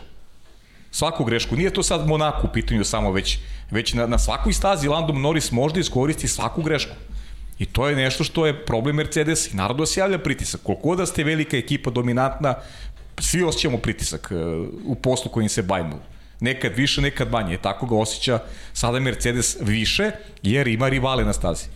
I, pa. I zato jeste veći izazov i za njih da neke stvari reše na Poslednji pritisak su imali način. Da. kad je Vettel sam sebe A, da. izbacio da. u, nur, u, na Nürburgringu 2018. 2018. A, da. I od tada oni ne osjećaju pritisak. Jeste. Pa možemo reći da je u stvari Monce bila posljednji pritisak za njih e, u pogledu borbe sa nekim drugim da. timom. To je posle Monce je sve išlo na vodenicu Mercedes. Evo do ove sezone. Ovo je, neka, ovo je Monaco Waterfront. Prave kod tunela To je nekad bilo lepo more, plavo, sad prave, ovaj, pošto nemaju gde da prave više zgrade, onda prave ovaj, na moru. Izlaze na more i oni polako. To oh, je wow. seaside. da. da. Tu će neke, neke ogromne zgrade da budu. Ništa lepše od velikih zgrada na obali vode. na obali Dobro. vode. da. to je sasvim, to je sasvim u redu. I kada pogledamo, evo ga, Loen Stroll. Kako ne znaš da. šta ćeš ti stavi Loen Strolla. Bravo, Vanja. Prelaz. Strollu i Strollom. Hvala, Vanja. Kad da, ne znaš da, kuda, ti Stroll. Ti Strolluj. ti Strolluj, da. Vanja krenuo da vrti galeriju. Ne znam da nam šalje neku poruku, ali okej. Okay. Da, dođemo do Luisa Hamiltona. Luis Hamilton koji potom gubi poziciju, to je brani poziciju Pierre Gasly i pojavljuje se Sebastian Vettel. Zanimljiv mi je komentar Luisa Hamiltona koji kaže izgubio sam dve pozicije. Ne, izgubio si jednu poziciju, to jest i ti i Gasli ste izgubili poziciju protiv Sebastijana Vetela. Je. Već je podrazumevao da je njegova pozicija koja pripada Pieru Gasliju, međutim nije mu pripala. Jeste, jednu poziciju izgubio. Jeste, jednu poziciju izgubio. Ostoje nistom u stvari na kraju trke jer je Bottas odustao. Tako je i ti dođeš do toga da imaš sedmu poziciju, da, na kraju je odvezao najbrži krug trke, to je dobar potez Mercedesa, promenili gume i otišli na, mada Yuki Tsunoda je na momentu ima najbrži krug trke, ako nije bio imao vodećih 10, da pohvalimo Yukija makar na trenutak, nije to loše, vozio je najbrži krug ikada, 1.14.0, ne znam koliko, i onda je Hamilton preskočio to 1.13, otišao na 1.12. Da. Odmah, čisto da se vidi koji je tempo. Ali i to ti je neka kritika, imaš taj tempo, gde, gde je taj tempo bio u kvalifikacijama Mnogo grešaka za Lewisa Hamiltona, baš loša trka i kulminacija svega toga ovo što pričamo, gde on izađe, meni to ne prihvatio, prvo, prvo radio tokom, tokom, tokom, tokom trke mogu da razumem, besan si, ponelo te. Slažem se. Znaš, ja se opravdavam, ja se opravdavam ovaj, e, Pod kacigu. tokom, tokom nekog sportskog događaja i nisam pristalica, milion puta sam rekao da se ozvuče akteri, oni koji učestvuju u sportsko takmičenje, jer to je adrenalin, to je bitka i ti nekad kažeš nešto što ne misliš i to ja mogu da razumem, ali ono što je rekao Srđan, kad se sve završilo, mi dobijamo priču da on hoće da razgovara sa timom ne, kao ne. ovako ne može i ne znam, mislim, to su stvarno smešne konstrukcije. Meni... To je neverovatno. E, tim koji ti je toliko dao, I koji mora još da mu da. I koji mora još da mu da. Da dolazimo od toga, vi ste krivi, Bravo ja sam, ja sam taj koji je uradio sve, ali vi ste krivi. Jesu oni pre par godina menjali je... timove mehaničara, ili tako, kad je, uh, oni Rosberg, kad je bilo? I, uh, da, oni su promenili timove mehaničara i to je ono kad je Rosberg uh, zapravo, kada, mislim kada je Rosberg osvojio titul, te sezone su oni promenili timove mehaničara. U tokom te sezone? Da, pred početak te godine da, su da. zapravo promenili da, timove. Da, da. I te Rosberg je te godine osvojio titul. Evo ovde mi sufliraju i Don Pablo i Marko podižu prste. Jeste, jeste, jeste. Sve su ljubitelji Formule 1. Ne, da, da, oni su promenili, ali ima tu nešto sad zanimljivo. Ti si sada, lepo, ovo si sjajno rekao, Andrej. Ekipa koja još mora da radi za tebe. I ono što je za mene problem nije jednom to rekao. Svakom novinaru koji ga je pitao posle trke, dakle kad si ga je već skinuta, ušao si u taj pen čuveni, u okruženje gde si zatvoren i gde novinari okolo drže mikrofone, diktafone, kamere i snimaju te. Ti si bukvalno rekao na pitanje jednog od naših kolega, da li, šta, šta možete da naučite iz ove trke? Ja ništa, ekipa mnogo. Wow. Čak i da je istina, to, to, to, to, to se ne radi. To se bukvalno ne radi. Ti kažeš, ljudi, Da, mi smo, rekao je na prethodnoj trci, mi pobeđujemo zajedno, mi gubimo zajedno. Da. Kako se sad, sad je samo ekipa izgubila, to sa tobom nema nikakve veze. U momentu kada vi jurite osmu titulu, kada jurite stotu pobedu zajedno, 24 časa kasnije sve društvene mreže su već bile dosta profesionalno napisane, sve u redu, idemo dalje, sve će biti super i tako dalje, ali ti si čoveče re, pregazio svoj po, tim. Poništio si, poništio si e, odluke tima koji ti je doneo prvu pobedu u ovoj sezoni u Bahreinu, zahvaljujući timu si je, si je dostigao, kako god, i poništio si prošlu trku isto, na kojoj je tim takođe doneo dobru odluku i ti si zahvaljujući dobroj strategiji sa, sa dva stajanja pobedio Maxa Verstappena, tim ti je to dao. Tim ti je to dao. I ti prvo i sledećoj prilici se ograđuješ od tog tima, kažeš ja sam uradio sve kako treba, tim nije.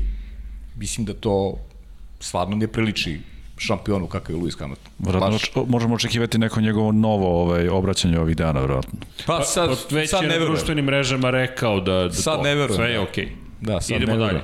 Ali to, to je prosto, to, to se zaista ne radi. To, meni, je to, meni to baš mi je zasmetalo. Degutantno, to mi je jeste. Mnogo više degutantno. zasmetalo nego to što je bio sedmi ili imao lošu trku. I čovječe, svako ima loš dan, sve okej. Okay. Normalno, pa to je. Čemu onako generalno znamo da nije nešto preterano dobar za Hamilton iako ima tri pobede ili za, za samu ekipu Mercedesa, ali opet njihova dominacija je tolika da oni opet imaju veliki broj pobeda, jedino što nemaju svaku pobedu u hibridnoj eri.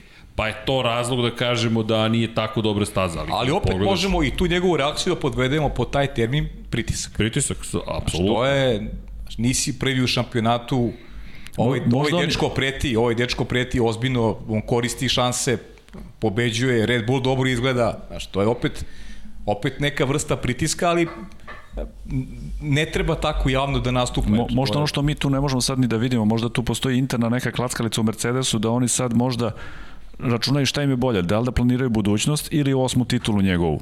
Možda, možda ni pa, njemu sigurno možemo... da će da rade za njega sad. I to je zanimljivo. I to je da, da. da šta je njima vrednije tu? Da li Tako da je. projektuju budućnost ili da razmišljaju... Bravo, Andri, ima i toga opet, razmišljaju opet njegove. Opet i ovo pisanje tih, kažem, jes, ruski mediji, mislim, znaš, ne, nebitno je odakle dolazi priča, ali eto, George Russellu se ponovo priča kao neko koji mogu dođe Mercedes. Malo pre ste spomenuli njega, znači u petak sam išao da slikam F2 i ulazim u media centar i pojavljuje se na skuteru George Russell koji skida kacigu i sve i dva tipa iz Mercedesa, neki, neki su od mehaničara, puše cigaru van svega i on prilazi, da li je Wolf tu negdje, oni kao nema u pojma. Znači došao je da traži Toto Wolfa u petak kad nema nikoga tamo. Sjajno. To je Andrej, ono što smo hteli. Pa čekaj, treba.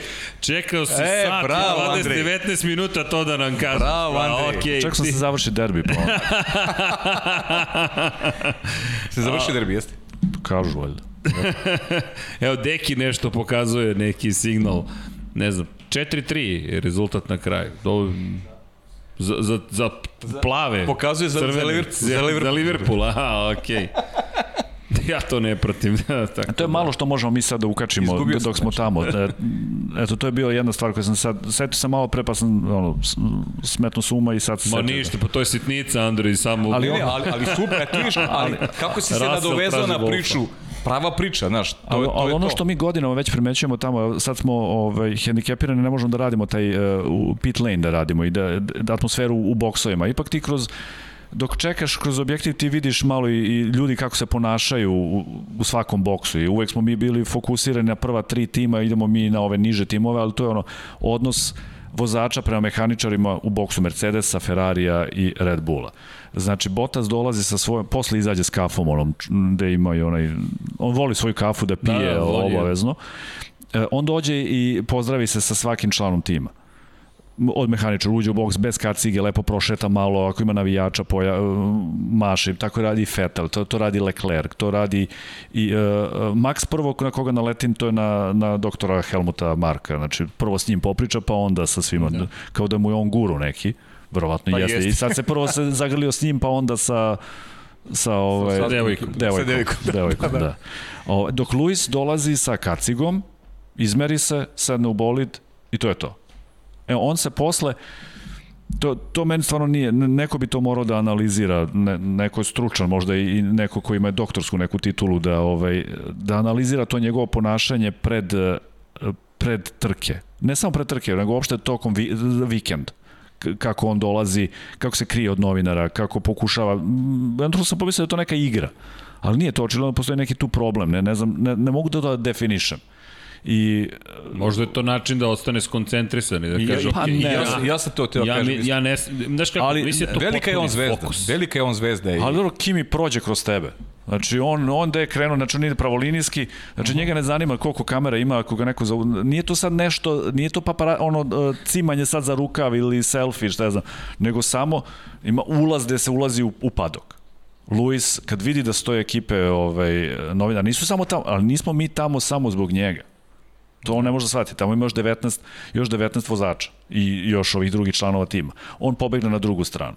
Ali ono što smo provali recimo u Bahreinu, došao je prvi dan, izašao malo ranije i prošetao se i ušao.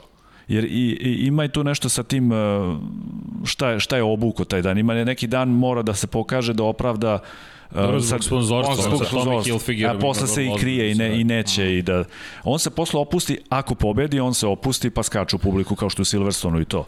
Ali Andrej, znaš kako to meni izgleda? Sad nisam bio tamo, ne znam, nisam doktor svakako, niti mogu da dajem neki uzbiljni sud, ali iz iskustva praćenja Mislim, sporta... doktor je možda preteško što sam sad okay, rekao. Znači, ali, ali, ali, ali, ali neko... Ne, neko mora, pa, ka, kao da sa njim neko ne radi kao što sad radi sa Maxom, kao što radi sa, možda i sa Saincom. Pa, me, da, da, da, ne mislim da si išta loše mislio, da. time doktor, pa čuj, i ja ću da sutra kod doktora za glavu ako imam neki problem koji mi smatra da treba reši. Sad, da... Ne želim da uvredim one koji su fanovi ovaj, Hamiltona, ali to je ono nešto što stvarno, on je veliki šampion, to on je stvarno vozač, da, vrhu, ono, to, to, to nema, nema. Pričamo o ozbiljnim psiholozima, pa da. sportska psihologija A... je ozbiljna grana, grana nauke gde se radi na tome da budeš brži i bolji.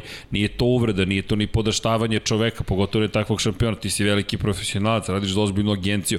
Ne, ne, ne pričamo o tome, ali ajde da budemo čisto vrlo precizni. Nije o tome reč, nego o tome kako, pa isto ti važi za Kimi, njega se da analizirati. Da, ali da. to ti je sad drugi ekstrem, samo što je to jedan simpatičan ekstrem, a ovo je možda manje simpatičan Čudan. ili manje da. otvoren ekstrem. Da. Ali to ne, ne umanjuje niti njihove ljudske kvalitete, niti vozačke, nego samo point u tome da su drugačiji. Ali mislim da si super izdvojio kraj Konena kao jedan ekstrem i Hamiltona kao drugi ekstrem. Jedan i drugi su šampioni, jedan je ekstrovertan, drugi je možda introvertan. Znaš na koga mene to podsjeća do nekle? Na Casey Stonera. Casey Stoner je, je izbegavao, nije izbegavao medije, a on čovjek se na kraju penzionisao jer nije hteo više da učestvuje u medijskim igrama. On je čovjek rekao, ja ne mogu više ovo da podnesem ljudi. Ja ovo ne mogu da podnesem. Inače, njegova žena je uvek išla iza njega, ne zato što imaju neki nedovoljno intiman odnos. Casey je bilo teško da bude okružen ljudima. Stoneru je bilo teško da bude okružen ljudima, njemu to nije prijelo, on, on to nikad nije ni krio. I intervjui su se uvek obavljali u zatvorenim prostorijama. U, u, ne u domaćinstvu Hondinom, ne, ne, ne u domaćinstvu, nego u posebnim zatvorenim prostorijama gde se radi debriefing u okviru ekipe. To nikad nisam doživeo, da nas vode specijalno, no, potpuno zatvorene prostorije da sednemo sa Casey Stonerom. On čovek prosto nije želeo da sedi sa ljudima. Ali to nije ništa strašno, čovjek je introvertan. Mi živimo u ekstrovertnom svetu, ja to često ponavljam. Introvertnim ljudima je teško. Zašto? Zato što je sad norma ponašanja, bio si na letovanju, nisi se fotografisao, tvoje letovanje se nije desilo. Da, da. Znaš, to je, mi smo došli od tog nivoa banalnosti situacije. E, pa nije bilo na Instagramu. Pa šta? Šta sad, to se nije desilo. Po, u mojoj glavi i u ne, mom ne, ali, srcu. Dobro, ali, sad sam, ali razumem. Da, ovde, ovde sad postoje dve stvari. Znači ima to kao pristup prema medijima, to mogu i da razumem, da mu je to više dosta svega, pogotovo u Britaniji, biti u fokusu medija je jako teško. Ali taj, taj odnos, pa makar bio i, i, i fake, ali mislim da razumem. da nije. Kad ti sa svojim mehaničarima, koja si sad Tako koji, od koji šta si im rekao? To, e, to, to, to, to je prava stvar. Partneri. To je prava stvar. To je, ti, ti posle imaš, kad, kad imaju pobedu onu, kad prave tim foto posle pobede, tog dok je bilo pre korone, nekako to nije toliko, više, više se ti mehaničari raduju za sebe, što su bili, što su deo toga i što su pobedili, nego što je Hamilton pobedio to i doneo pobedu za njih. Nekako to je, to je takvo. Iskreniji su ti neki, do duše i oni su se i navikli na te, te silne pobede, moguće i to. Ove, ili on, ali... Njima verovatno zavisi naš i... Ali Vettel se raduje kod dete, znači svaki put ili da, da. to... Da, to je zanimljivo. To je Jeste. baš zanimljivo, ali eto, hvala ti, to su ne, te stvari koje ne možeš da vidiš, fantazija, hvala Znaš Andrej. kako, ja sam ovaj, opet ću da se, da se vratim na, na pokojnog Sukije, znaš, on je meni sve to pričao i kudi kamo, znaš, i ekstremnije prema nekim, da, da, prema da. nekim ljudima, tako da, ovaj, skroz razumem i taj pogled tebe koji treba da uradiš i posao, a imaš priliku i da vidiš izbliza kako stvari funkcionišu i to su stvari, momenti, ti to možda oceniš kad nešto gledaš u kontinuitetu da. i, i ti možda oceniš, mi to sa strane ne možemo, ne možemo da Teško da vidimo. Je, da. Pa ne može da, Teško da, vidimo, i vi gledate da. i na kameri kad ima ono pit to su kratki kadrovi i mm. to kad bi moglo da se bira da može da, da i vi kao tokom prenosa da možete da birate kameru koje, sve kamere koje su samo iz pit lane pa da dobijete taj malo. To je bilo fenomenalno. Pa nema ništa, ne možeš to sad ni da ispratiš, to je, je teško. Ne možeš ništa bolje I, kad si na licu mesta, i, e, to je suština cele priče. To je to, to je ono što je lepota, na primjer mi idemo na MotoGP, ne idemo na Formula 1, ali sećam se scene, to, to, to često ponovim iz 2011. čini mi se, ili možda 12. Sećam se toga, Ben Spies sedi u garaži, u to vreme fabrički vozač je Mahi preko puta Jorge Lorenza i ti vidiš strah na Spizovim očima. Sad, to je čovjek koji se ne plaši vožnje motora, ali preko puta je čovjek u tom trenutku na vrhuncu praktično svoje moći i ti vidiš Bena Spizak, možda to nije nužno strah, ali pogubljenost, strah da, da karijera ne ide tim putem. Ti vidiš čoveka koji je de facto uplašen i kasnije se to ispostavilo tačnim, ali to ne može jedna kamera da ti prenese. Ne može. ne može, to je taj moment ljudski kad vidiš oči. A ne samo to, nečije. ti ne možeš, ne možeš, ne možeš da uđeš u nečiju, znaš, nečiji mozak, da pronikneš ne.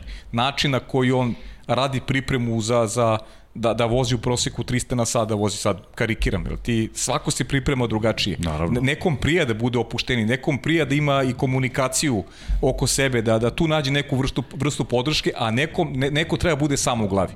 Nekom prosto treba da bude samo u glavi, jer tako nalazi neku tu energiju, e, koncentraciju kako bi uradio posao kako treba. Različite, sve, svaka je glava različita i, i, i moramo o tome da, da, da vodimo Jeste. računa mi koji, koji, koji nema se, osude, znaš, to je konstatacija. Ne, nema, nema osude, naravno nema osude, to je, ali... Budi, zanimljivo je, prosto jest. budi ti maš, ne nema ja što znati želju ti znati želju, jeste, da. jeste. Inače da pozdravimo Tomisla Ivanića, hvala Tomislave, kaže Štefan Belov, legenda Nordschleife-a, živi večno, evo imaš pozdrav specijalni od Dekija, pogodio si žicu, inače donirao čovjek 25 hrvatskih kuna, ali Ne znam otkud Štefan Belov se pojavi u cijeloj ovoj izvinite, ne stižemo baš da ne stižem baš da pratim chat, ali Štefan Belov je legenda, čovjek koji iz Nemačke, u to vreme zapadne Nemačke je dolazio i iako je trebalo da bude budući šampion sveta Formule 1, poginao na 1000 km spa Frankošama, ako se ja dobro sećam i neko ko eto, živi očigledno uspomenama. I pozdrav eto Tomislave, hvala, šta drugo da kažem, ali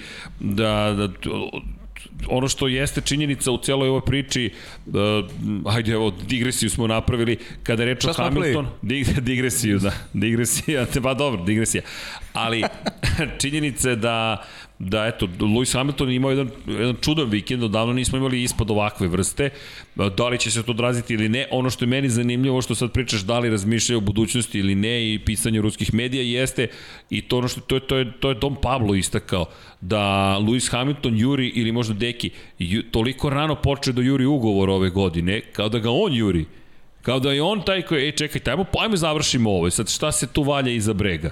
Znaš, da li se stvari neki da menjaju stvari, ili da vrše pritisak opet, da. da. Ali, ili vrši pritisak, tako je, ali god pogledaš, nama na pogrešan način, ali on, pazi, sad opet on, je, on možda to radi svesno. Znaš, možda to možda. radi svesno, možda to ne izašlo iz njega tako je. spontano, možda tako je, to radi je. svesno. I vidi, to je nešto je, što ne znamo, tako da, da, op, svaku priču treba gledati iz, iz, Ali on je veliki uglova. šampion, on, on je učestvovao u celoj ovoj hibridnoj eri Mercedesa, on je čovek koji, koji često se to zaboravlja, nije Znaš, često se, na primjer, Mihaelu Šumuhiru pripisuju gotovo mogo magijska svojstva. Sam je stvorio Ferrari. Nije sam, ceo tim je učestvovao u tom, ali je on veliku ulogu igrao u svemu tome. Isto tako ne bih umanju ulogu Luisa Hamiltona u ovome što se desilo u hibridnoj eri Mercedesa. Samo ti kažem, jedna stvar, jedna stvar ne može da se ospori. E, ni Lewis Hamilton, ni Max Verstappen u ovakvoj sezoni nemaju pravo sebi dozvole da trke završavaju na sedmom mestu. E, to je Da prosto, Potencijalno prosto mnogo to, skupa priča. To možda bude baš skupa priča. Jer ja verujem da će biti i tehni, biće tehnički problem. Biće incidenata, biće incidenata, ubeđa se mi to ali, na njihovom nivou, u njihovom trkanju. Siguran sam da će makar jedan biti do kraja sezona. ali znaš dokle me to dovodi? Samo na kratko, nećemo sad najavljivati, ali do Bakua. I promena pravilnika. Andrej, ideš u Baku? E, ne. Aj, šteta.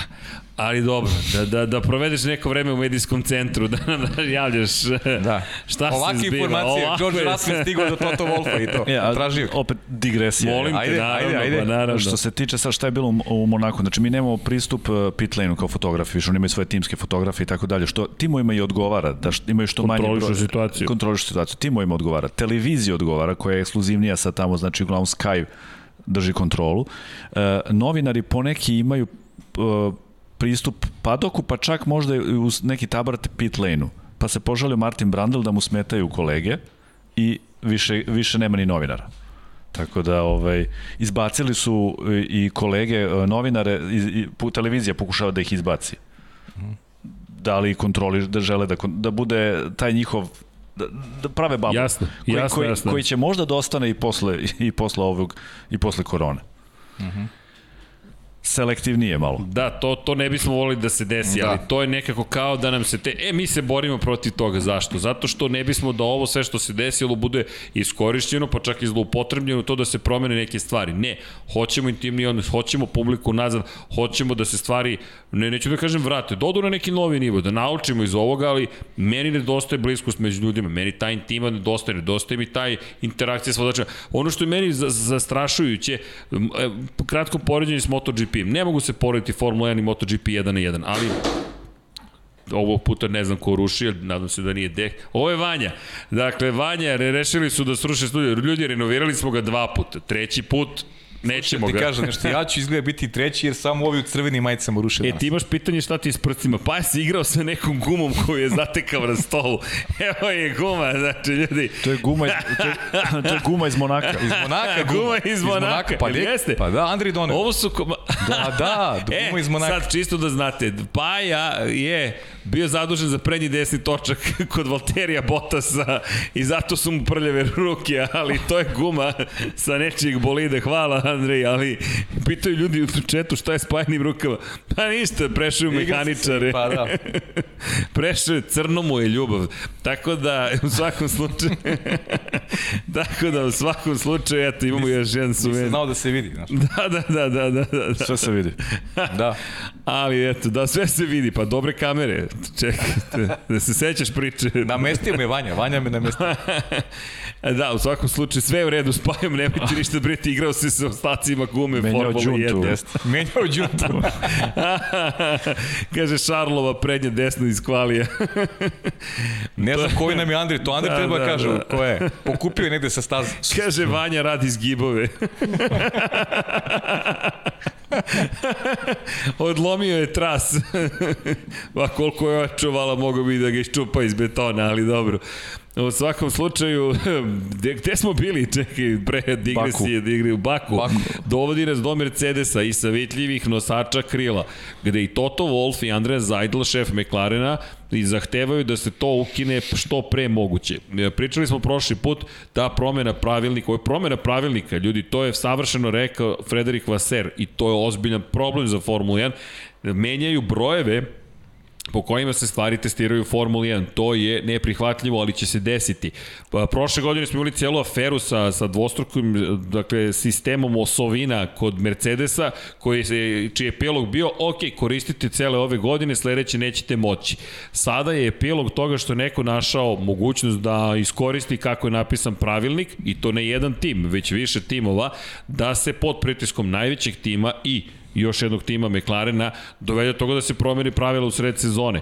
I ljudi su našli rupu u pravilniku, iskoristili i to je okej. Okay. Nije začepljena rupa, promenjena je. Dakle, to je ono što je posebno problem. Ne možeš tek tako da promeniš stvari, ali to će se desiti. I zašto je Wolf bio vrlo glasan kada je rekao nećemo u Baku da vidimo ta krila? Zato što se veruje da skoro 10 km na čas maksimalne brzine dobijaju bolidi koji mase savija zadnje krilo.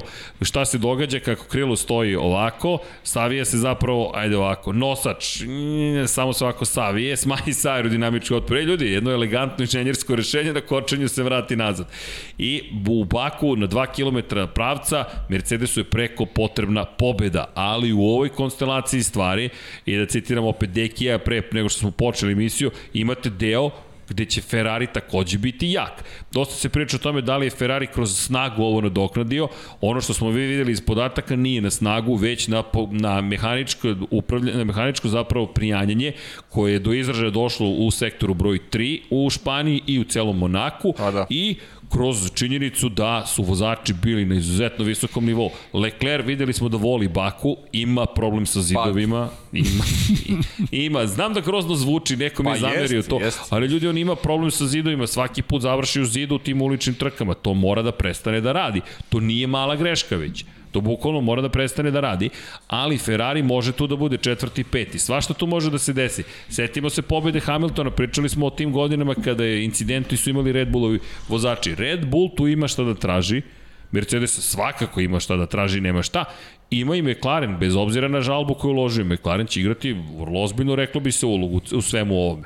I ako pogledamo početak trke u Španiji, koja je sjajan pokazatelj, ko je bio na poziciji broj 3 posle sjajnog starta? Charles Leclerc. Tako da ja i dalje mislim da Ferrari ima čemu da se nada. Naravno, ima, da, ali, Mercedes i Red Bull su glavni. Ovo je onako dobra digresija zbog, zbog uh, pravilnika, ali ajde se fokusiramo na Baku sledeće nedelje, ja? Da, ne, ne, samo kažem zašto sada već kreće... Da, okej, okay, okej. Okay. Da, da, da, da, gde praktično je pritisak već sada i zašto Toto Wolf toliki pritisak vrši i na Međunarodnu automobilsku federaciju da se stvari promene. Pa no, da, ali promene, pričat ćemo, mislim da će biti dosta tema za priču pred Baku. Hoće, hoće, Znaš hoće. i sam, ono, mislim da delimo mišljenje promena u sred sezone automatski stavlja znak pitanje pod regularnost iste, tako da mislim da je to, to bi bila jedna velika budalaština da se, da se menja nešto što je što, što postoji već pet trka u sred sezonje menjati, menjati pravila u bilo čemu je, mislim, onako budalaština. Eto. Znači, mora upotrebim baš taj izraz. To je Ali- nešto što ne mogu da prihvatim uopšte. Ali, Ajmo onda poništimo svih pet trka pa idemo iz početka. da. Jer, jer da menjamo pravilo u sred sezone, to je, to je dokaz uh, moći jednog tima koji na tome insistira. I to, to je nedopustivo. Da to onda gotovo. Nedopustivo. F1 I ja ne mogu da Mercedes, prihvatim, ne mogu da prihvatim da drugi timovi nemaju reakciju na to. Da kažu, opet, pričali smo, to su sad one marketinške stvari i ne možeš ti da kažeš neću ja se takmičim, ali mora da izvršiš neki pritisak na, na, na, na, na automobilsku organizaciju, na međunarodnu automobilsku organizaciju, ne može to da se dogodi. Ne može da menjaš pravilo u sred sezone. One mora bude jasno definisana pre početak i amin, gotovo. Tako da, ne znam. ali, nije tu kraj svih zbivanja. Da, imali smo lepu trku za... E, Imamo jedan lep spoj, ja bih rekao. Ako se vratimo 7 godina unazad, ako se vratimo na na zašto 7 godina nazad? Pa ajmo da pričamo o, o, o 2014. godini velikoj nagradi Monaka. Zašto 2014. godina 25. maj je bio, to je tačno pre 7 godina, danas je 25. maj.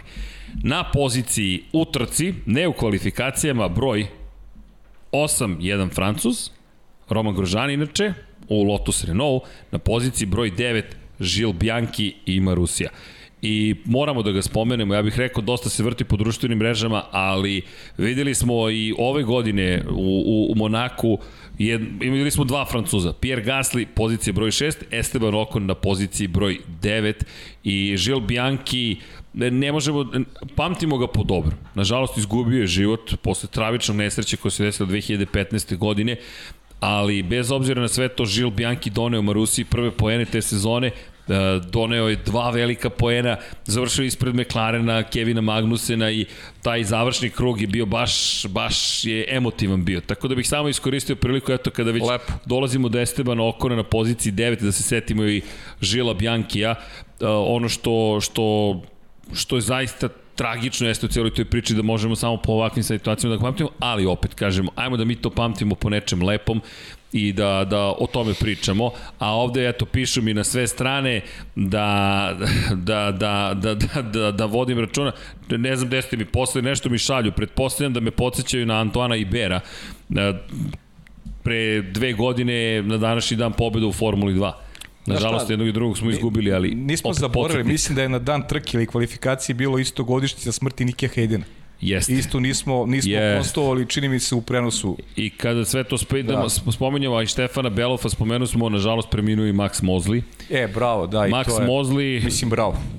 da, Što se setio, da. da, da, to je takođe legenda ovoga sporta. Preminuo je pre dva dana, e, treba spomenuti čoveka. Jedan, u jednom momentu d, d, taj dvojac Max Mosley i Bernie Eccleston je zaista upravljao Formulom 1. I to su imena i prezimena koje su se spominjala uglavnom i čovjek koji ostavio dubog trag u Formuli 1, ne, nećemo ga nećemo ga zaboraviti, prosto četiri puta je bio predsednik Međunarodne automobilske federacije, upravljao je i film u kontroverznim periodima i manje kontroverznim periodima, ali nekako uvek je Max Mosley bio tu uz Bernie Ecclestona. Nećemo sad produžiti previše priču, ali prosto mislim da je red da, da spomenemo nekoga koji je, koji je upravljao Formula 1 posle Jean-Maria Balestrea i pre Žana Toda. Ma da, čovjek. Između niko drugi nije bio na toj poziciji I osim vozio, Maxa imao je ekipu svoju i Jeste. baš je obeležio epohu u Formula 1 i uvek treba da se sećamo ljudi koji su, da kažem, zadužili ovaj sport, Jeste. koji mi izdužno pratimo i toliko ga volimo. Jeste. I bio je u tom momentu kada se Formula 1 promenila, to je ona čuvena gde nam je knjiga, tu je negde Klub Pirana, čuveni, pročitajte Klub Pirana, ukoliko možete. Dom Pablo je pozajmio knjigu, samo što je pozajmica, je, mislim, trajna. Znaš ono kad te pozovu posle 7 godina iz biblioteke i kažu niste vratili knjigu? E, otprilike tu je negde knjiga Taj klub, nivo, a? klub Pirana kada je reč o studiju, ali dobro. Tu je negde, ja mislim da je ovde negde. U svakom slučaju da, da spomenemo eto i Maksa Mozlija. Ali da se vratimo na trku deveta Zapravo se pozicija. spomenemo Laudu, to smo pričali malo. Da, izvini, E, da. i Lauda sve godine. tamo, Znači, to je nevratno. Mercedes kroz propustio, Da, do, 20. maj je bio. Jeste. Jeste. a sad je bio trening 22. Znači imali su priliku da neki tribut, ali ništa nije bilo. Sećam se 2019. je baš bilo, jer to je taj, kad Jeste. je on preminuo, onda je Mercedes o tome, svi su nosili crni flor i crvene kape, a sad se nije, niko setio Laude uopšte. Da, trostruki su šampion sveta, jedan od važnijih u ovoj novoj eri Mercedesa, i, ne, ali ne treba zaboraviti da on ima trajni, zapravo trajni pomen da u obliku crvene zvezde koja se nalazi na oplati Mercedesa na svakoj trci, ali činjenica da je čudno da nisu, Upravo je, upravo je. da nisu obeležili, da, da, da, da, to, je, to jeste nesvakidašnje. Ali, eto, tu smo mi, da se setimo svega. Hvala, Andrij. To smo, moram priznati, sam zaboravio da, je- da je dve godine od kada je preminuo veliki Nikin Lauda. I da dođemo do Estebana Okona, deveta pozicija, dva poena za Alpinu, Okon koji četvrtu trku za redu završava među osvajačima poena, 9. 7. 9. 9. To sada već postaje standard. Jeste, radi ono što treba da, nisi, nema šta si dodao zaista. 12 poena za Okona, 5 poena za, za Fernando Alonso, Alonso kad bio jednom 10 i jednom 8 i Alpina 7 u šampionatu konstruktora, poen iz Alfa Taurija, Alfa Tauri koji je sada preuzeo šestu poziciju zahvaljujući Piero Gasly. Pa to ide nekako, ide neko traljavo. Dešava se onako Da, pozitivni pomak u odnosu na, na, na dve trke izraz. prve, ali ide traljavo, zaista, nije to. Mada tako je bilo i prošle godine na početku sezone isto, oni su, mislim, na, na, na Renault tim prošle godine koji se isto muči u startu, pa onda nekako kliknuo u drugom delu sezone. Vidjet ćemo šta će biti, koji su krajnje dometi, ali Okon, Okon je taj koji vuče tim i to je, to je sada evidentno. Da, i Okon da. u kvalifikacijama takođe nije bio briljantan, Okon je bio 11. 11. da. Prosto iskoristio sve što se desilo Jeste, ispred. on je, ja mislim da je krenuo na, na srednje tvrdingum, ne, ili na tvrdingum je krenuo trku, sad se već zaboravio, ali to je bio neki, neki izbor, ostao je dugo na stazi i, Pa- i na kraju je nadoknadio poziciju u odnosu na, na Đovinacije. Znaš koga preskoči? Čoveka koji je O, osmi, da. najviše puta bio... Sergio Perez. Ne, ne, ne, Lance ne, Stroll. Lance Ja Stroll. i Pereza nismo, nismo izanalizirali kako Pa treba. da, Vratit pa ćemo dobro, se na da. Serhi, ali, ali Lance Stroll, kada je već dobio toliko puta da Pa prekine zato što smo trku, toliko puta strolovali večera. Strollovali, da. Da, nema potrebe E, ali. Stroll odlična trka sa 13. pozicije, on je skočio na osmo mesto. Ako kažemo da su dve pozicije nasleđene zahvaljujući odustanjima Leclera i Bottasa, opet Lance Stroll je nadoknadio tri mesta u trci. Sjajne strategije, sjajne vožnje za Kanadjanina, pohvale. Deluje kao da te ulične staze mu ipak odgovaraju. Prvo pobedničko postolje u Baku je imao još u Williamsu, ali lepo za Lance Strolla. I prvi put ove godine da Aston Martin imao bojicu vozača među osvajačima poena. Pa kako nije lepo, super rezultat. Ozbiljan rezultat za i ono što je važno, Aston Martin je sada peti u šampionatu konstruktora, poen ispred Alfa Taurija. Aston Martin je ozbiljan skok napravio na ovoj trci. I Pa- prethodne dve trke bez bodova završili. Ista konstatacija ko za Alpinu. Isto delo je to traljavo na startu godine, ali ovo je bila dobra trka. Važna, važna trka za Aston. I nekako očekivana Vettel peti, Stroll osmi, to je nešto, treba da bude neki standard, standard mako su bi očekivali možda i, i borba za, neki, za koji plasman više, ali u konkurenciji Ferrari i McLarena mislim da Aston Martin i dalje mora da pričeka sa, sa nekim ozbiljnijim ostvarenjima. Iako su uložili zaista dosta sredstva, vidjet ćemo kako će ići, dalje stvari. Bilo bi lepo za Fetela da i narednu trku odradi dobro, vidjet ćemo. Malo je drugačiji Azerbejdžan u odnosu na, na Zanimljiva je to trka, ali zanimljiva je to staza. Lepo je, jeste. To je mešavina Monaka i neke, ajde sad Da, ne, neke da, trkačke staze, da. da. Vidjet ćemo, ćemo, vidjet lepo. Da, i hoćemo da pohvalimo Antonija Đorvinacija. Đovinacija sa velikim zadovoljstvom. Antonio Đovinaci prvi poen za Alfa Romeo poen, moglo je biti i dva, ali super je bilo vidjeti Antonio Đovinaci. Sve kako treba, ovog puta Alfa nije zakazala, u dva puta su ga koštali poena sa, sa onako lošim, lošim, lošom zamenom pneumatika, lošom strategijom i ovog puta sve, sve ispalo sve ispalo dobro za Đovinacija i eto poen. Italijani vole, momentu- Italijani vole Monako. Pazi, on je, on je dobro vozio, ali izgubio dve pozicije. On je nadoknadio dve pozicije odustajanjima, a potom je dobio dve pozicije, to jest izgubio dve pozicije zahvaljujući tome što su ga i Stroll i Okom pretekli zapravo na samoj stazi. Ali kada govorimo o samom startu sa 10. pozicije krenuo, dve pozicije do, doknadio, kažem i potom dve izgubio, ali bez obzira, jedan point i rekao Antonio Đovinaci, e ok. Ima jedno pitanje za Kimira i Konena, šta mislimo o problemu koji imao, ne znam koliko ste ispratili komunikaciju posle trke, ali Kimi Rikonen je ponovo ostao bez tečnosti tokom same trke uz adekvatne psovke, prokomentarisao zašto je toliko teško zakačiti cercev za, za, za tečnost na početku trke. Otpalo je prilikom formacijskog kruga ponovo.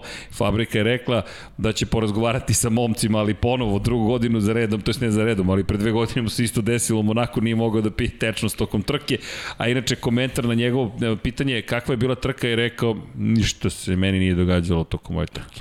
Pa i nije, ti kad pogledaš... Bua. Bua. E, ljudi, kad pogledate, imamo Monako, Andrej, sa bez sigurnostnog vozila i bez, da, jedne, to žute, i bez jedne žute zastave. Da, da.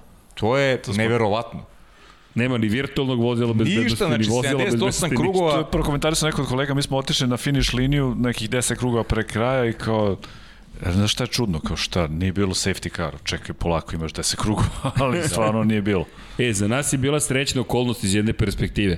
Posle našeg Znam. prenosa išla futbolska utakmica, je li tako? Jest, jest. Ne znam ko je igrao. Da, čini mi se Leicester Tottenham. Leicester Tottenham i pa ja se gledam i razmišljam, čekaj, dva sata da se upakuje velika nagrada Monaka. Ceremonija. Nemoguća misija. Da. Nemoguća misija. Ja sam mislio da će trka traje dva sata. Bukvalno. Da. Bukvalno, ali to je to što ti kažeš. Odjednom mi smo završili za sat i, i po otprilike. Sat i 40 recimo. Tako je, ne, relativno brzo se sve završilo. Inače, to je nekako na nivou, evo, sat 38.56, pa, da, za sat pa, 39 da. minuta, ali negde to je na nivou noćne more. Zašto? Gledaš i razmišljaš, futbol mora da počne po ugovoru sa premijer ligom, premijer ligom, a ti imaš situaciju u Monaku da imaš ti ovakvu trku sa toliko uzbuđenja. Na pobedničkom postolju imaš pobednika Maxi Verstappen, imaš Ferrarijevog vozača, imaš Landa Norrisa koji je mega popular u specijalnim bojama McLarena, Serenu Williams koji je tu važan gost i razmišljaš hoćemo li uopšte stići do šampanjca i izjava i završi se u jedan posle sati 39 i ti kažeš hvala. da vidi, to su te sla, neke slatke muke, uslovno rečeno. Da.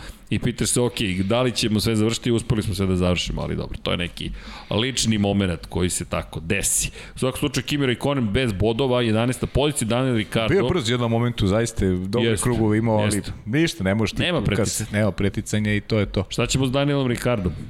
Pa ništa, ovaj, ovo će da zaboravi da. i dobar stav ima svakako, ali za sada je mnogo sporiji od Landa Norris.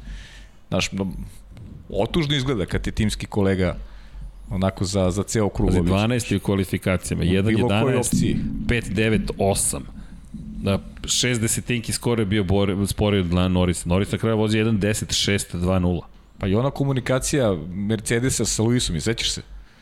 da pusti prvo Maxa te obiđe za ceo krug, pa onda juri najbrži krug trki. Da. Daš, mislim, Monako. Hamilton da, to nije dozvolio. Hamilton to je odmah je odvezao najbrži odmah krug, ali nije dozvolio da ga, ne. da ga Max obiđe za ceo krug. za ceo krug. Da, da. Ne, ne, ne, pa to, to je to, to ti isto pokazatelj. Svaka čast Hamiltonu za taj potez. Ne, ne, ne. Da, da. Kao pusti ga. Nešto ima da ga pustim. To nema teorije, to je to je na nivou uvrede. Bez ozira što je naravno imao stanje više, imao Lewis Hamilton nije sporno, ali zaista kad je najveći rival to bi za ceo krug, treba ga propustiš, baš je, nije zgodno najmanju ruku. Nije prihvatio. E da, i zanimljivo je bilo, uh, jedan od komentara je bio uh, zanimljiv meni da, da su u Perezu rekli da štedi gorivo za kraj. Veliki broj vozača je zapravo pred kraj trke bio praktično bez goriva i Kimi Raikkonenu su na kraju e, trke govorili još velikom broju vozača da štedi gorivo. Uh, to moram da se raspitam tačno čemu se radi, s obzirom na činjenicu da to najkraća trka, da li su rezervori prazni zapravo za Monako ili jednostavno ogromna potrošnja u pitanju. Su, da su, I to ono što je meni vrlo zanimljivo bilo.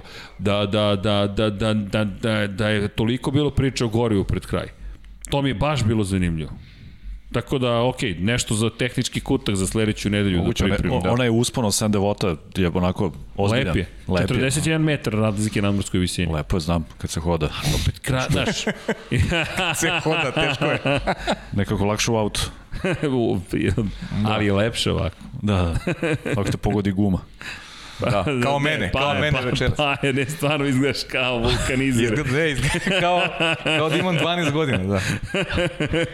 ne odustaje, ne Znaš odustaje. koliko me zbunilo pitanje... Igra se sa plastelinom, znaš. Ali pitanje je šta je s pajnim rukama, rekao, nisu se nadule, deluju normalno, i onda vidim A da, da, su crne. Se očekujem će da napravi nešto. Jeste. Sneška Belića. Pa pokušavam da rešim ovaj problem, da vidim šta je, šta je bio problem s Bottasom. Mali mi uzorak, treba da doneseš veći uzorak. I da, Andrej, drugi put veći uzorak. Moram još jedan kofer. da nosim. Ali veliki broj pitanja zašto nisu prešli na srednje tvrde gume. Ne, ne znamo. To Ne znamo, to je i mi smo očekivali, misterija. da. Očekivali smo i mi da će na srednje tvrde će veći. neko preći na srednje tvrde gume, međutim niko, svi su izabrali tvrde. Kao da, znaš šta ja mislim da nas je sve zbunilo? Prethodne trke su pokazale da su tvrde gume bolje. Ako pogledaš, Jeste. ali izgleda ovde za Monako ipak trebalo da se ide malo klasičnije. Jer ako se vratimo, hvala, Okon je jedini prešao na, na, na, na srednje tvrde. Pa da, ali i ostaje duže. Da, Raikkonen, Ricardo, Alonso, Russell i Latifi su započeli tako trku, ali nije I da se vratimo na Ricardo, Ricardo, ovo je baš loše. I pogotovo to mahanje, šta god je bio znak hvala što si se pomerio, Pa to je verovatno. opet, znaš, to je nešto što će se pamtiti. Alonso nije imao nešto mnogo da kaže na, na Pa cijelu ništa, ovu trku. baš ništa. Pa jedna baš prosečna trka. Russell ušao u Q2 deo kvalifikacija, pohvale za Russella. Latifi nije bio nezadovoljan, Cunoda s druge strane baš dugo ostao na stazi na tvrdim da. gumama, ima tu još puno posla za učenje i za Mazepine Šumahira slična priča, pohvale za Mazepina, s obzirom na činjenicu da je Nikita Mazepin tokom većeg dela vikenda bio rame uz rame sa Mika, Mikom Šumahirom Mikom, da. I da nije uleteo u luku, nije napravio veliku grešku, naprotiv da. Čovek koji je dva puta razbio bolid je bio Mik Šumahir. Jeste. Bukvalno ga je razbio, propisno u oba navrata, tako da Nikita Mazepin, ali i zanimljiva je bila priča koliko moraju oni još da uče. Radio komunikacija s Nikitom Mazepinom je bila tako čudna, kada poslušate posle trke gde mu inženjer govori Nikita, okreni na C65 poziciju i on čovek koji kaže uzmi, okreni na poziciju C, taj to i to podešavanje, ovo okreni na 6-5, ukoliko sam dobro zapatio. Mazepin koji poručuje, ne mogu to da uradim. Kaže, oni mu ponavljaju, 6-5, koji broj 6-5? I Nikita Mazepin koji kaže, ljudi, vi se šalite sa mnom, ja ne, to je nemoguće postaviti to podešavanje. Na kraju Nikita koji kaže ekipi, ja se stvarno izvinjam, ali imao sam pune ruke posla.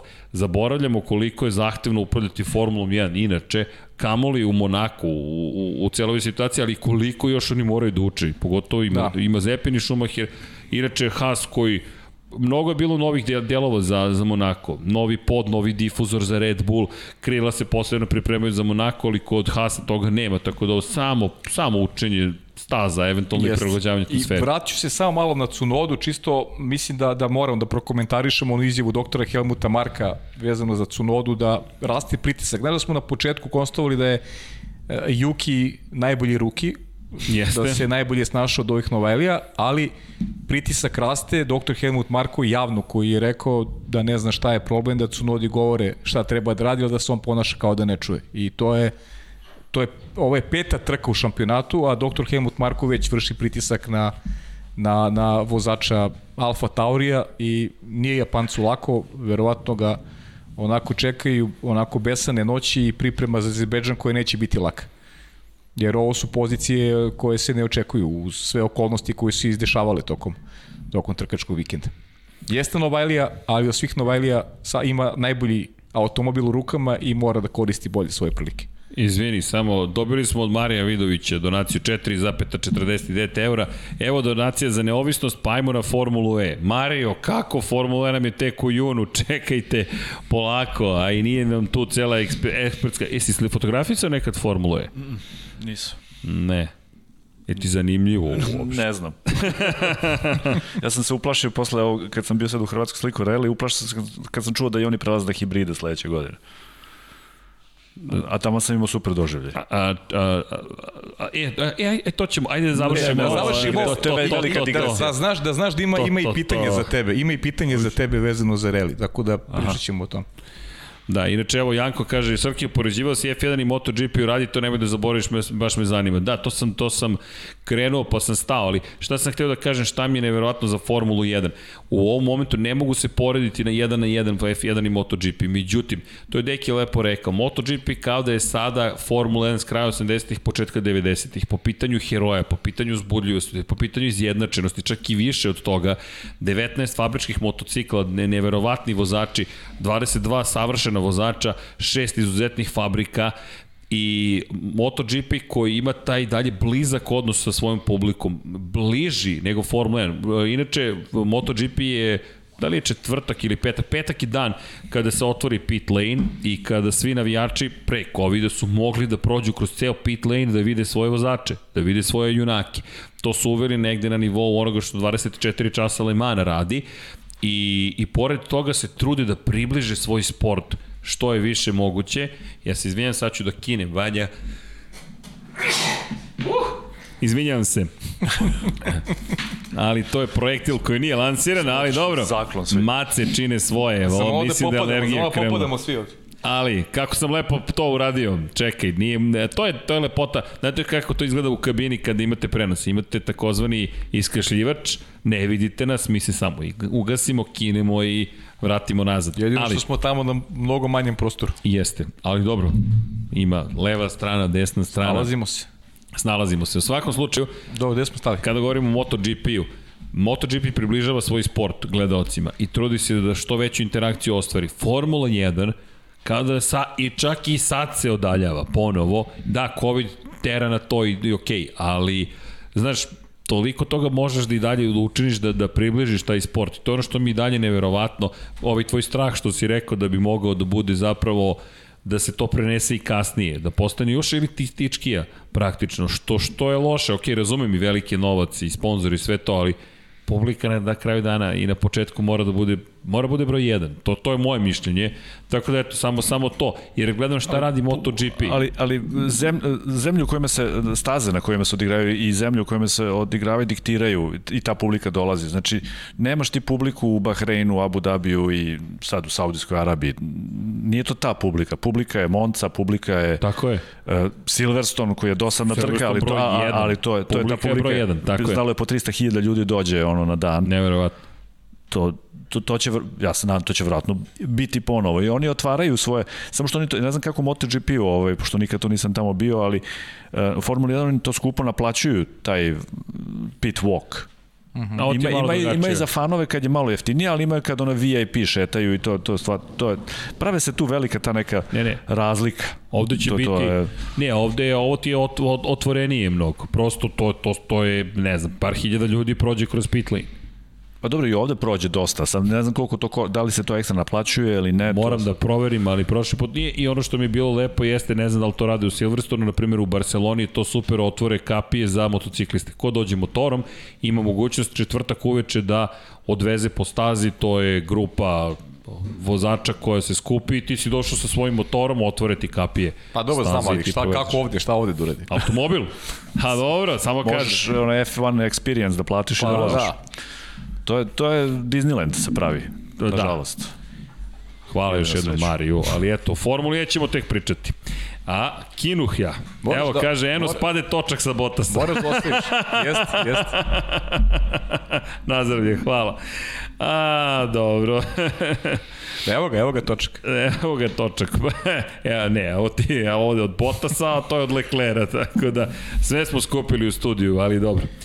Da, I da, VIP se plaća masno za F1. Plaća se. Plaća se i VIP za, za ali znaš šta je za pa meni za MotoGP? Plaća se sve masno, znamo. Pa mislim, da. Mi najbolje znamo da se ali, plaća masno, zato nas i nema tamo. da, ne, ali, ali, ali za MotoGP uh, i dalje su nam otvorena vrata i oni i dalje pozivaju da se dođe. Da se dođe uh, kao TV ekipa. Pa može i F1, mislim, ne znam stvari kakve su, ja nisam nikad A, imao... Ne, recimo da ne smemo da ti kažemo, može. Da, da ti možeš dođeš, ali, može. A, ali treba, treba i da komentarišeš. Znaš. Može. Ne, ne, ne, samo to. E, dokumentarišeš i jedna cena, ali je druga ako hoćeš da bilo šta snimiš dodatno. Aha, to je problem. TV prava. Pa i više od toga, znaš, ti to je toliko striktno da, da evo, ne smemo dalje da pričamo o tome, ali mogu da ti hvalim MotoGP. Ali ne, nije mi to od pojenta, samo slušaj, hoću da kažem da je zahtevno. Nemo izgu... ostaćeš bez tema sutra s Dekijem, znaš. Ne, ne, s Dekijem da ostane bez tema. Pa, da, ja. sutra, sutra, ćete, sutra ćeš o MotoGP. Znaš kaže da je nestručan za kosmos i onda A, mi... znam onda... ja, on, on, ne, on je nestručan i za futbol, vidi. Jeste, jeste, nema pojma, ne, ja, ne, ne prvi put je vidio Kopački kad je došao ovde u studiju, da, da, hoće to. Uh, da, idemo dalje. Kada govorimo o Čemu? O čemu ne govorimo? E, nego, da, da, da ne pobegne samo par... Pa mislim, analizirali smo trku kod tako trku, je, tako mislim, je. učinak, to je to. Mislim, nema, nema šta doda. Možemo samo prođemo kroz generalni plasma, možda konstruktor, eto, to nismo. E, ima jedna bitna stvar, a to je I zapravo Formula 2, Formula 2, ne zaborimo, to sam tako ti kažem, da. da. Kada reč o šampionatu konstruktora Red Bull, poen ispred Mercedesa, je. to se neće dopasti Mercedesu, McLaren na 149, to je 148, McLaren je na 80 poena, McLaren koji prvi put nije osvojio poene sa oba vozača ove sezone, Jest. poslednji tim koji je to imao tu privilegiju, neću kažem privilegiju, ali koji imao taj uspeh, zatim Ferrari dva poena iza McLarena 78 i to je ta bitka za treće mesto koju smo najavili. To, to, to je taj ne, odustajanje. Tako je, Leclerc. s jedne strane Leclerc, Ricardo se anulirali, ali opet Leclerc je bio na pol poziciji, to je mogla biti ozbiljna prednost. Aston Martin poen ispred Alfa Taurije, koji je poen ispred Alpine. Da, i imamo sad samo dve ekipe koje nemaju poen. Tako je, Williams Alfa, i Haas. Alfa se upisala, Alfa se upisala, poen više ima od Williamsa i Haasa i tu će biti drama. Pogledaj koliko je teško osvojiti poen. I neko bi se čini do kraja, možda eto, Williams upiše neki poen zahvaljujući Russellu. A mada, da. eto, i Latifi da, da. nije bila njegova loša trka ovde u... Tako je. Mogu bi čak i on možda da, da prinese Tako je. boljem I, učinku u Formuli 2, da ne zaboravimo, ko, bila, je, bila opet uzbudljiva, naravno da je bila uzbudljiva trka, ali... Trke, misliš? Trke, pa sve tri trke. Pa da ova, ova poslednja trka je bila najinteresantnija i zbog e, Jest. strategije i cele priče, ali Žo je nekako ostavi opet najjači utisak. Nisu bile dobre kvalifikacije, ali ali dobre trke izvukao, izvukao uz jednu pobedu, poveće da. prednost u šampionatu. Bez bodova u drugoj trci, peti je bio u mm, trećoj trci, Oskar Pjastri pohvale, osmi, drugi drugi, yes. i Teo Puršer pol pozicija, najmlađi osvajač pol pozicije u istoriji Formule da, 2. Da, prvi put dolazak u Monaku, da. prvi put vozio u Monaku, pobedio u toj glavnoj trci, pol pozicija, sedmi, momak. četvrti i prvi. U avgustu, 18. rođendan slavi, vice šampion Formule 3, Bravo. baš karijera koju obećava. Bravo. I Den Tiktum nasledio pobedu posle diskvalifikacije e, Den Tiktum zaslužuje baš pohvale. Den Tiktum jedan onako problematičan karakter, ali eto, posljednje ove godine onako fokus na stazi baš ozbiljan i možda se dozao pameti konačno. Da, i pohvalio bih Filipe Drugovića zbog strategije u trećoj trci, bio drugi u prvoj trci, treći u trećoj, 14. u drugoj, ali strategija je bila specifična i, i Žova su kostali u ekipi prosto virtuozi je povukao riskantan potez, na kraju ostali bez bodova. Ali su ali dobar potez. Ali okay, dobar je... potez, mislim kontrolisan, druga je trka, tada ne gubiš ništa, možeš samo da dobiješ. Imaš rezultat iz kvalifikacija koji ti onako sa guma za kišu na gume za suvo, malo da, prerano, sve okej, okay, okay. sve okej. Okay. Dob, dobro, virtuozi tim koji vodi u šampionatu bolje od preme ove godine i Da. Sve kako treba i Liam Lawson komu se odnosi i pobedu u drugoj trci zbog tehničke probleme, to možemo da konstatujemo. I Liam Lawson koji je zaista sjajan vozač. E, ne smemo da zaborimo, jeste bio na pobedničkom postolju Juri Vips, ali Roy Nisani prvi put posle 47 trka na pobedničkom da. postolju. Da. Moramo ipak da ga pohvalimo, dosta ga kritikujemo, čovjek koji je dva put samo osvajao poene do sada, ali eto, uspeo da bude na poziciji broj 3. Splet da. okolnosti, splet okolnosti, ali bez obzira, popeo se na pobjedničko posto, inače čovjek koga često vidite u Williamsu, zahvaljujući pre svema sponsorima, nije pretrano brz, ali ovoga puta, eto, pohvala. Da, da, super, ti treki zaista zanimljivi baš. Andrej, ili fotografišeš Formulu 2? Sad sam, sad sam prvi put, mislim, ja sam možda i ranije, kad je, kad je bila priča oko Mik, uvek kad je neka priča, kad je bila priča o Mik Schumacheru da će da pređe u, u Formulu 1, onda smo to pratili mm -hmm. kad ima priča, ali sad sam u Monako iskoristio priliku, pošto petak je dan kad nema F1, onda sam islikao, trebalo nam za arhivu da islikamo ove, ove F2 i ono što mi se sviđa od, od ranije, od prošle godine, sviđa mi se ti bolidi kako izgledaju, mm -hmm. definitivno. I zanimljive su trke, uvek su puno uzbeđenja i zvuk je taj dobar i sve. Znači, ako, što se tiče slikanja, slikanje kao i druge, i kao i F1. Samo što mi to ne radimo jer nemamo, klijenti nam to još i ne traže, ali je, ali je realno zanimljivije. Uh mhm. -huh. Zna da bude i, kažem, prvo zvuk i i ovaj, oni se takmiče onako baš na, na, na žilet. Jeste, pa oni su kupuju sebi ulaznice potencijalno za Formulu 1, zato jeste interesantno. I Porsche je bio sad zanimljiv, to e, smo, sve, sad smo gledali da. na TV-u tamo u pres centru kad se okrenuo onaj... Da, da, Sinauer, da. I to može kažemo, Larry Ten Ward je aktualni šampion pobedio. Da, to da spomenemo. Da tu smo se ponadali da će, da su, kad smo videli onu tečnost se proslo neko ulje, ali ipak je bila samo tečnost za hlađenje, ovaj, da će malo to da zakomplikuje. ovaj, Oni su se ponadali, pa ja su uhvatili za glavu. Da. O ne, kako će ovo tek da utiče naspored? pa bilo bi zanimljivo gore, malo kad pokliza, ovaj, kad se penju. Ali očistili su stazu i to je bila samo tečnost za hlađenje. Porsche Super Cup generalno onako nije, nije zanimljiv u tom smislu preticanje, nema mnogo tih dešavanja na stazi, ali Ali zanimljivo, ovaj kolega, baš spominja ga vrlo često, Hasan Bratić, on ovaj, u Nemačkoj freelancer, on je to slikao namenski, jednu trku je slikao tamo za klijente i nevjerojatno su kako na izlasku iz iz bazena kad izlaze onu šikanu, da. oni lete kako bukvalno, preskaču, oni preskaču, da. da. To što jeste, ne, ne može se vidi na Formuli 1 nikad, skoro. Da, to je, to je, to je specifičnost, mm. pogotovo tog te šikane što, ali to ti je opet... Porsche Super, Porsche. Porsche Super Kupa i nisu kvalifikacije interesantnije, zato što u najvećoj meri kreiraju i konačni ishod u trci. Aha. Tu baš ima malo, baš ima malo preticanja akcije. Nije važno kakva je staza. Osim ako slušaš najavu na sport klubu, onda. Da, da. Onda ćemo ti uvek najaviti da nas čeka Spektakl. puno preticanja. Pa dobro, to, to je, kako bih rekao, deo posla, pretpostavljam. Inače, ono što je lepo bilo vidjeti GT3 Cup Porsche koji je 992 verzija stigla, 510 konjskih snaga, jači nego što je bio i to za za, za lepih 25 konjskih snaga jačim od motori ove godine. Ne menja suštinu, ali opet lepo vidite te neverovatne automobile, opet su to Porsche, znaš, to je, to je trkačko vozilo, to je GT3 Coupe verzije 500 konjskih snaga, nije to mači kašalj. Tako da, a kakav ti zvuk bio Porsche-a? proizvode u onim zatvorenim, u okruženju, u okruženju onih zgrada proizvode ono, baš impresivan zvuk. To samo puca, ovaj, obično oni voze nešto ujutru, kada je to bilo? Od 9, 10.20 u nedelju. Tad mi dolazim u nedelju, da, dolazim, čuješ kako, kad sam parkirao auto, čuješ kako puca sve, sve vreme, puca, da, da, puca, da. puca nešto. Da. Dobro, tako i treba da bude u trkama. Da, da. Ali, nigde, ali nigde žive duš. Znači, stvarno, publike, nigde nikoga, ništa. Pa rano je 10.20 pa, ujutru u nedelju. Bu, bilo je na formuli rano ujutru u nedelju, znaju da pa, popune do, one Laroše, da. popune ove, oni hardcore fanovi Monaka, oni stvarno... Rano, rano je baš počelo. A u petak u 8.20 za Formulu 2?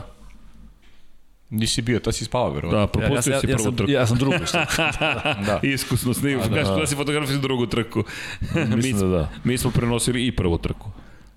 Bio je zabavan petak. Jeste. bio je zabavan petak. A pet, petak je uvek bio zanimljiv što su se vozači Formule 1 dolazili su u pit lane i slikali se sa, do, ono, imali susret sa fanovima, ali to je ove godine da. sve... Da. Subota sađene 8 i 20, ne petak. Da, ne, ne, petak. Petak je bilo... Petak si radio ti kvalifikacije. Petak si radio kvalifikacije Porsche Superkupa, jeste. Pa je počela trka kasnije, ali mm. prva trka, da, da, da, u subotu. Ne mogu više, pomešali se dani, četvrtak, pa, petak, subota, nedelja. Nema veze. Znači, pre pitanja, ako ostajemo samo da je Chase seriju dobio Austin E, da, da NASCAR, čudna eto, trka, to je čudna trka, jeste prekinuta, i strašan incident. Martin Truex Martin Jr. Truex. u požaru, baš su bile eksplozije, ali koliko iskustva nemaju zapravo kada reč o vožnji na toj stazi, prvi put Circuit of the Americas, još kiša, I, a i zanimljiv je bio komentar jednog od um, gledalaca, kaže, vidi, nikog ne kažnjavaju NASCAR-u zato što je sišao sa staze. da, u NASCAR-u nema kažnjavanja ni kad izbaciš rivala sa staze. Bukvalno, kad ga izguraš sa staze, to se smatra, ej, bio je jač, okay, da. trkanje, idemo dalje. I da ne zaboravimo VRC u Hrvatskoj, to poređenje, to ono e, što pravo. je skroz e, zanimljivo moram naći pitanje, da, dobro i to je. Pa, da, to, to je bilo pa mesec, pa mesec dana, tačno, tačno mesec da, dana pre, tako, da. Tako I to je moja prva trka VRC-a, to u, u, ukratko, bio sam ovde u podcastu pre te trke, Jest. bio sam jako uzbuđen što idem tamo i stvarno ovaj, to opravdalo je ovaj, taj događaj opravdalo to moje uzbuđenje, stvarno drugačije nego Formula 1, definitivno. E, morate prekine samo, uh mhm. -huh. da pročite pitanje. A Dejan Andrić te pita, a, koji ti je tež izov za slikanje, F1 ili VRC? koji je prvi put slikao, koji mu je moćniji zvuk, F1 na otvorenom ili VRC kroz šumu? Gde se više tresao fotoaparat? Pa, nije sad, ovaj, ajde, dobro, pre, pre, pretpostavljam da to što tre, tre, ne, fotoaparat se ne, da, figurativno, jel?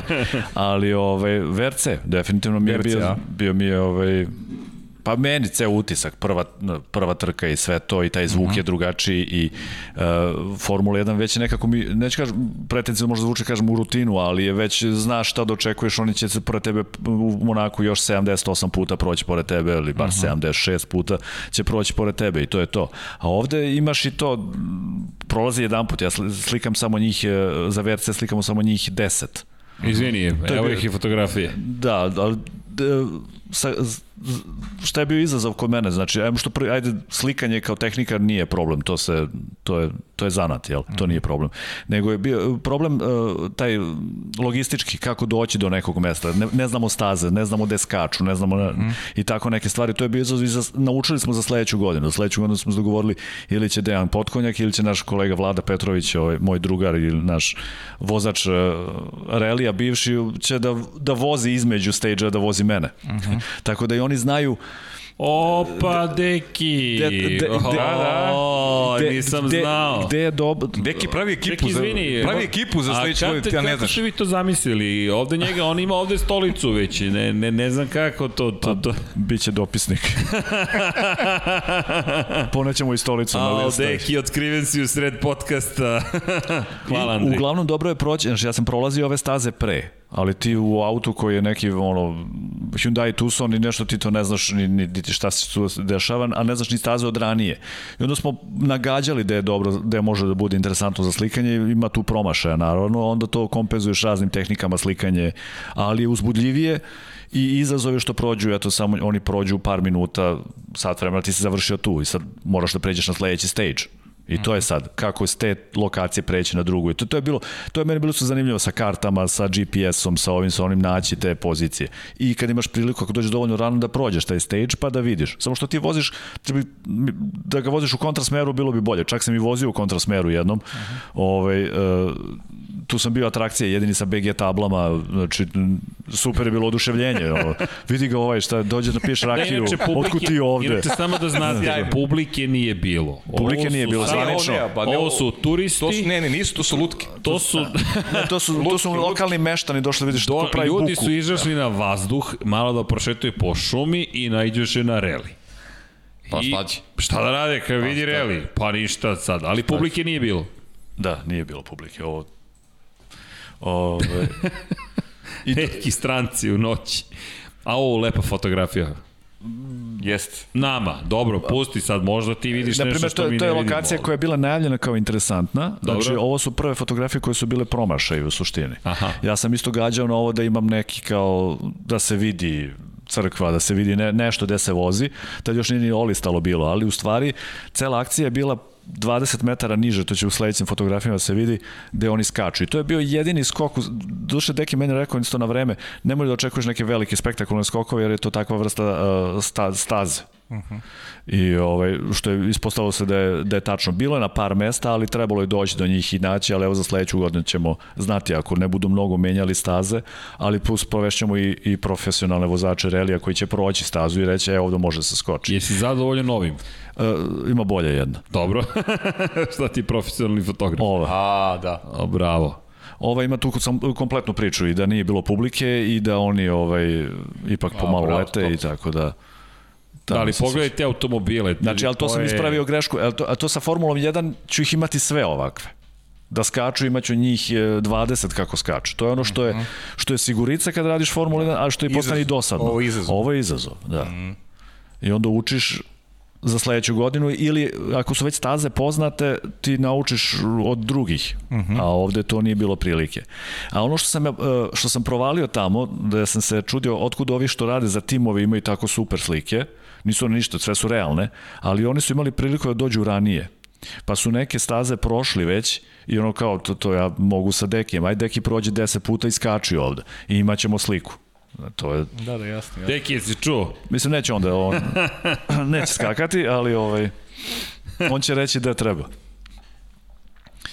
Ovde isto su tu taj deo sam vozio u kontrasmeru i, i to je, eto, sa BG tablama sam došao na jednu raskrsnicu i rekao, ljudi, mogu ja tu pravo, to je ona safety zona bila, redari su samo podigli ono znači neverovatno da se to desilo. Izgleda taj to što smo tu i naši smo i, i govorimo isto jezik pomaže I pustili su me da stojim na mestu gde ne smeš da stojiš. Znači sam kao, pro, ne, ne, to se sklon, nije desilo, skloni se, kad, desilo. dok ne prođe kontrola, kad se, prođe safety kontrola, izađi ponovo. Da, to se nije desilo. To da. se nije desilo, nego si krenuo šetnju i... Da, tu se naletao. Tako. Da.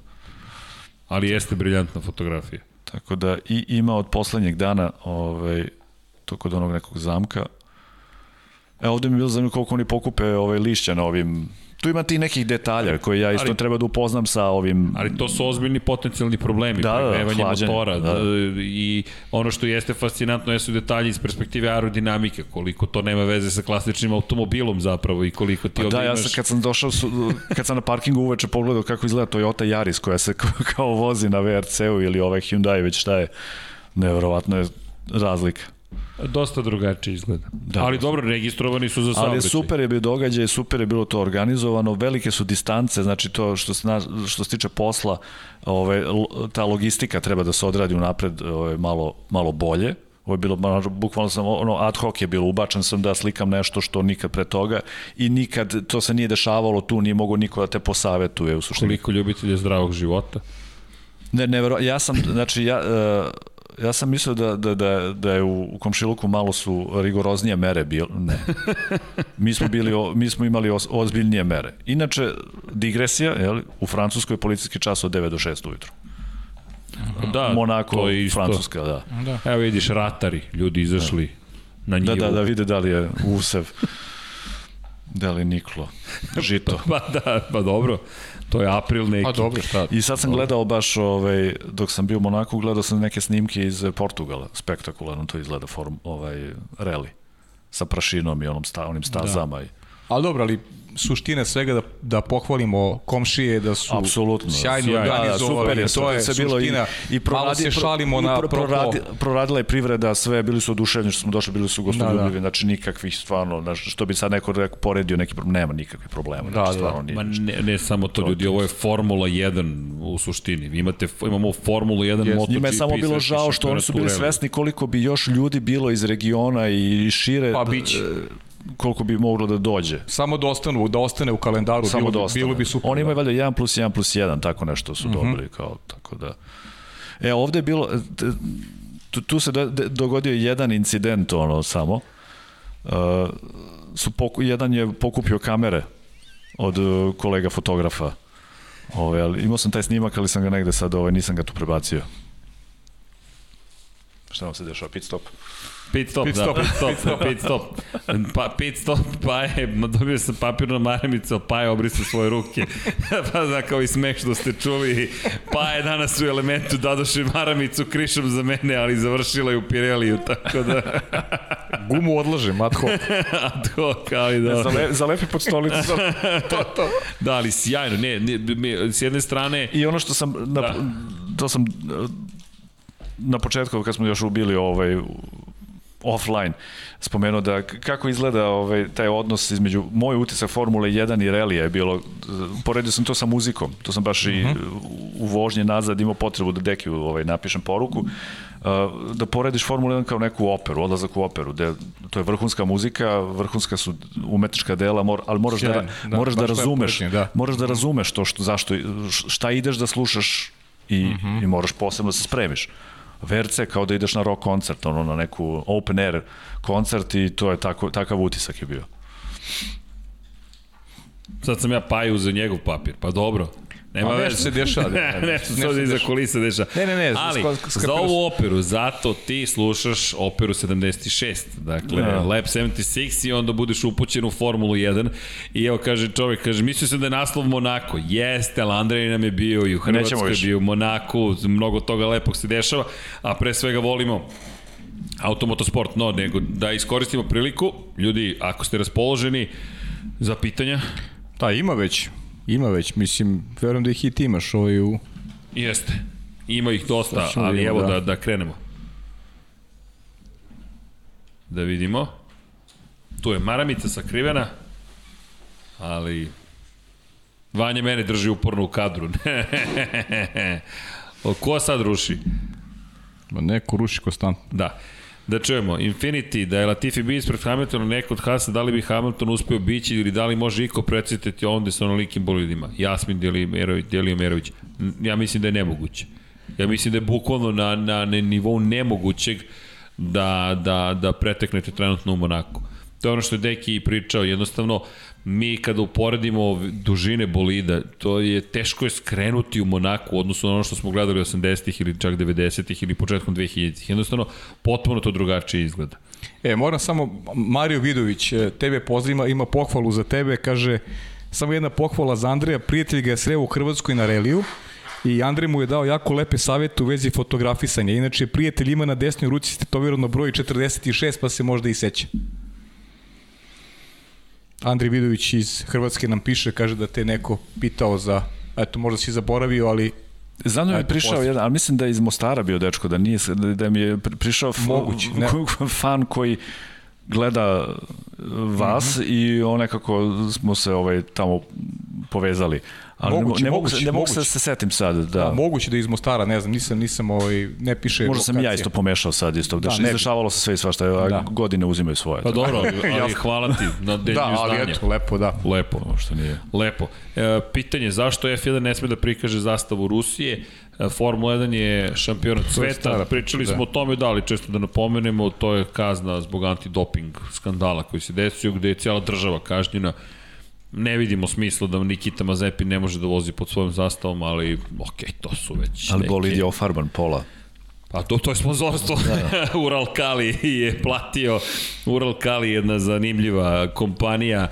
Inače, kada pričamo o Ural Kaliju, pričamo o jednoj pa, izuzetno ozbiljnoj kompaniji. Koliko beše, evo, 2,7 milijardi uh, dolara prometa godišnjeg, tako da kada govorimo o Uralkaliju, da, eto, ozbiljna jedna kompanija. Inače, bavi se proizvodnjom kalijumskih đubriva. Da, ozbiljno, kalijumska đubriva su u pitanju. Logično da budeš sponsor u Formuli 1 kad prodaješ kalijumska đubriva. Zorka Šabac nekada možda. da. Zorka Šabac. pa da, pa kalijumska đubriva su, su izuzetno važne i ozbiljna u savremenoj poljoprivredi. Ural Kali je našao svoje mesto pod suncem u Formuli 1. Ne? Da. Ali meni moram priznati lepo što imamo priliku, ipak čovjek ima svoju zastavu na kraju, konačno i treba da ima, ipak to je njegova država, treba da je predstavlja. Ok, idemo dalje, e, kada je reč o, o ostalim pitanjima.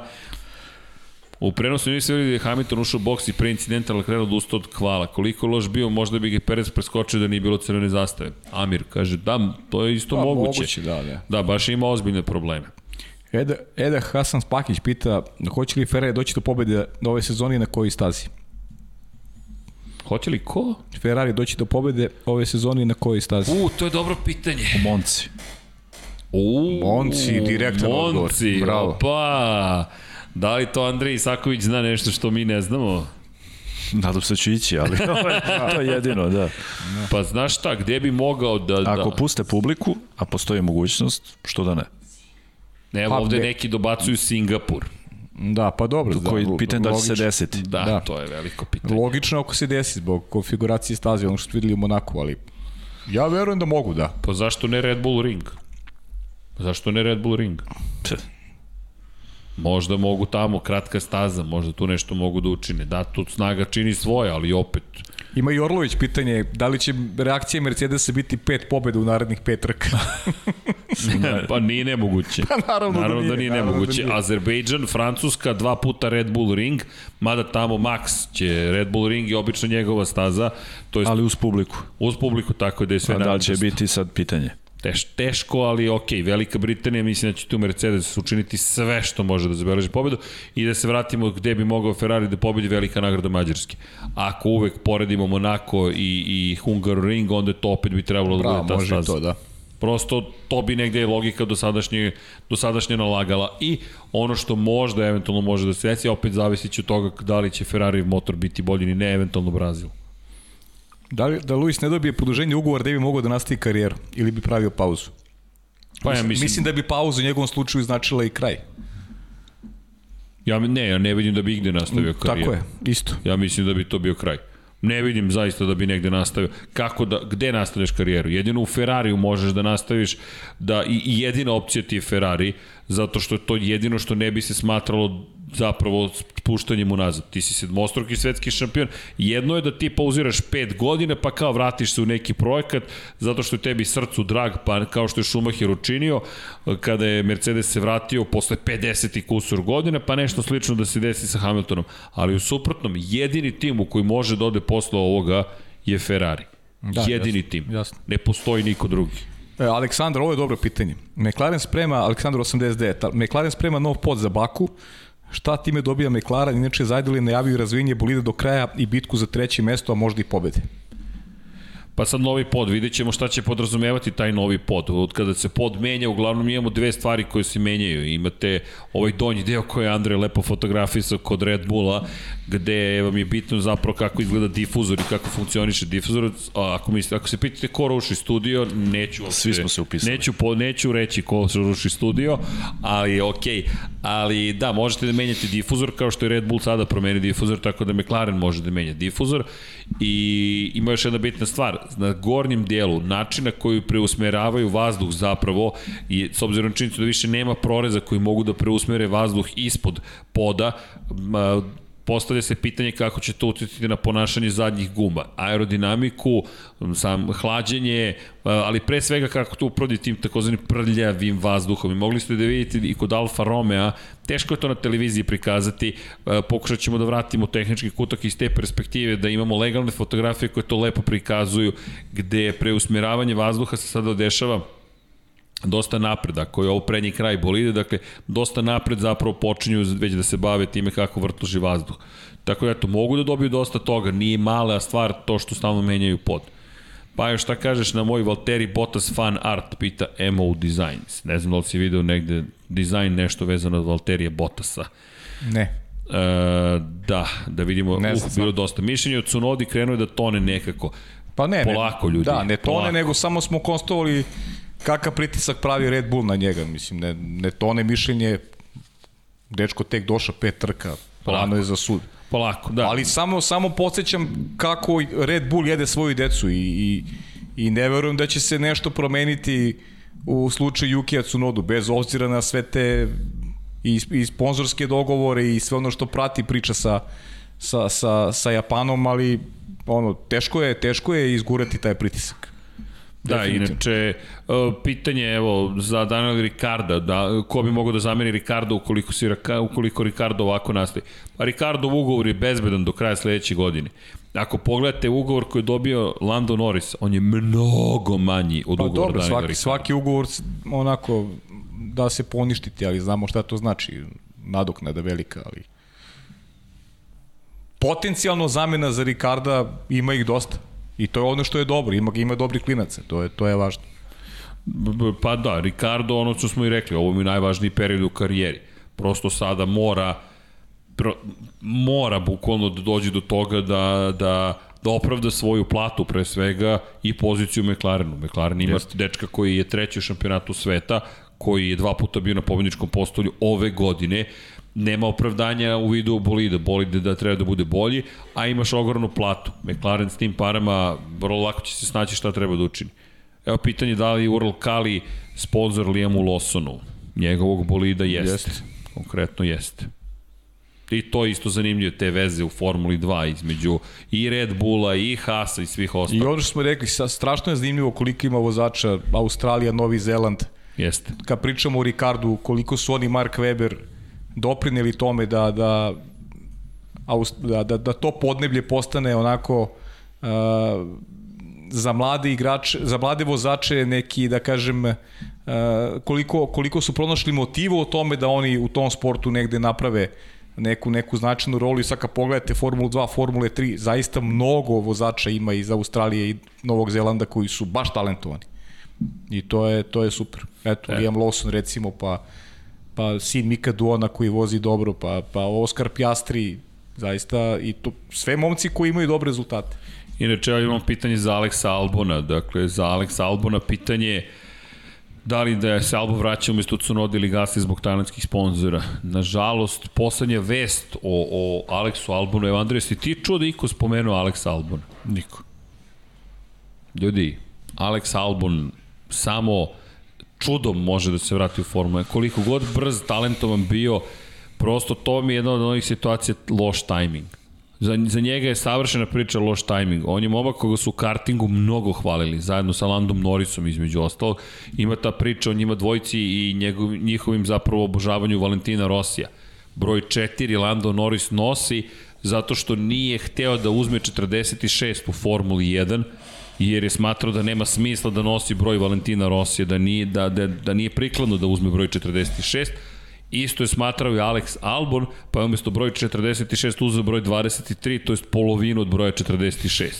Oni su kao, da, kao klinci su nosili, inače i takmičili se, čak ih i Rossi pratio u kartingu zato što su opet njegovi obožavaoci fantastični vozači u nižim kategorijama, Alex Albon je ušao u Toro Rosso, otišao u Red Bull, vrata su se zatvorila, Hamilton ga je zakačio u Brazilu, Hamilton ga je zakačio u Austriji, da je bilo drugačije, možda bi dečko bio koji je bio dva puta na pobedničkom postoju, možda bi čak i pobedio te godine na Red Bull ringu, možda bi to potpunosti promenilo trajektoriju, to je sputanje njegove karijere, nije se desilo i to je kraj. Ja ne vidim da će se ikada više vratiti u Formulu 1, možda neko čudo da se desi, ali ja, ja to A zaista to, ne vidim. To je odnos trpljenje kome govorimo i, i potrebe Red Bulla ove godine da da budu konkurentni Mercedesu i zato su izabrali iskusnijeg vozača. A ti sa kad pogledaš rezultate Serhije Pereza, oni nisu dramatično bolji od da. onoga što, što su imali Alex Albom i, i Pierre Gasly. A Sergio Perez je bolji vozač, en sada ima bolji automobil u rukama. A nema neke, nema neke velike razlike. Stice okolnosti nekih... E, Ali ne more na njemu da rade, kao što I, I to je, i to je dobro. Sergio Perez neko koja verujem da će vremenom to stvari da budu i bolje nego, nego što su trenutno, ali Max Verstappen je ljudi mnogo, mnogo ozbiljan vozač. I to je, to je suština cele priče. I M, ekipa radi za njega, M je on kvalitetan. To je ista, ista priča kao i u Mercedesu negde. Teško je biti timski kolega Lewisu Hamiltonu. Apsolutno. Baš teško. Tako da, i negde je normalno što je ekipa vezana za, za Luisa i njega protežira prosto to je negde normalna opcija. Koliko god da smo mi želi da vremenom stvari izgledaju kao na relaciji Hamilton-Rosberg, ja potpuno razumem Mercedes što je izabrao ovaj put. Ma, to se reći više ponoviti. Da. Mercedesu se to više neće. A da li, to je, to je logičniji, to je logičniji put tima.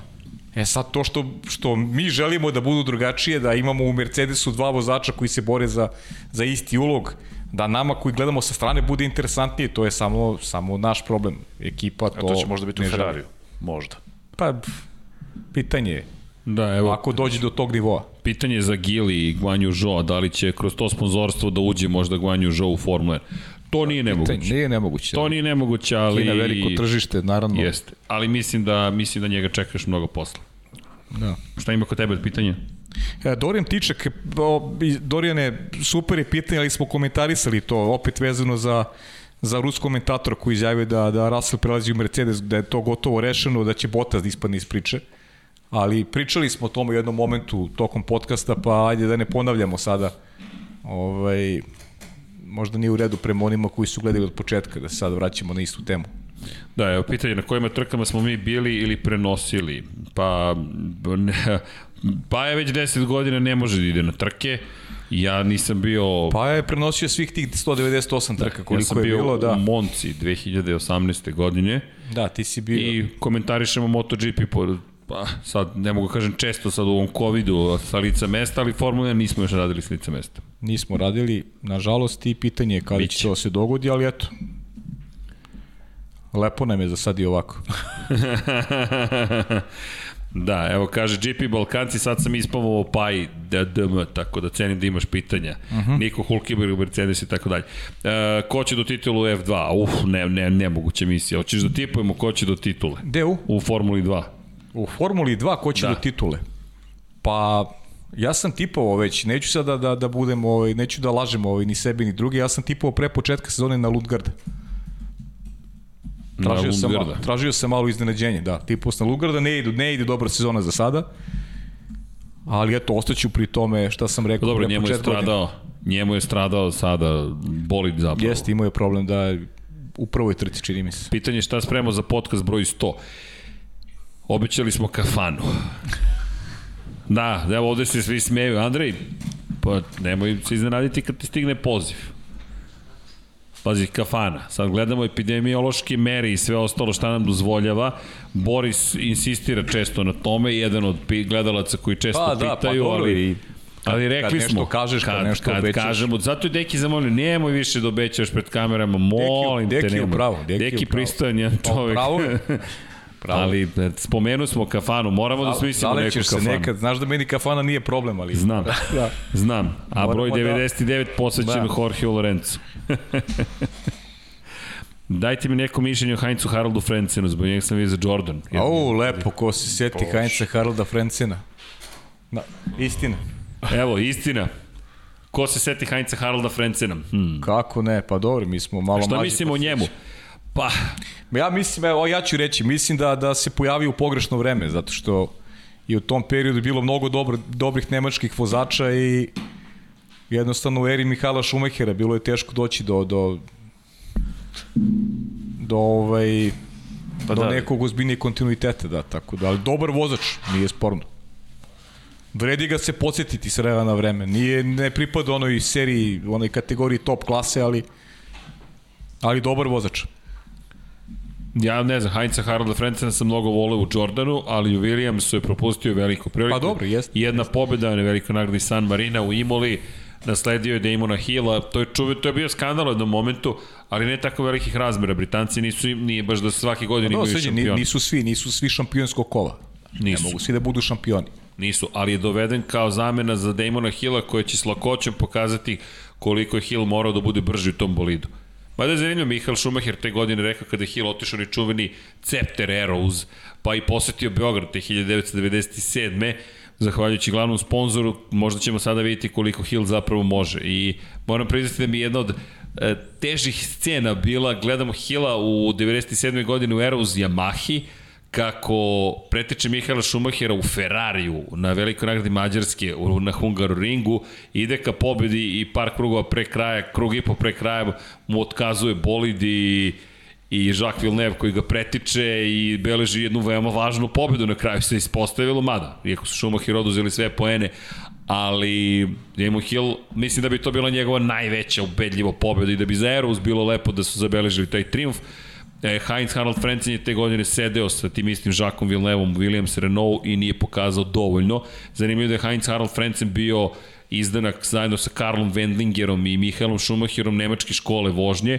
Oni su zapravo bili deo Zauber Mercedesovog programa u sportskim automobilima a Korina Schumacher se zabavljala sa kao Korina, nešćem se kako se prezivalo u to vreme sa Heinzom Haraldom da, Frencenom. To je, to je, da, I to je to, to, to su te čuvene veze, da, a u, a u Andrej, Jordanu... Na... Ovaj čovjek šta pamti sve, to je nevjerovatno.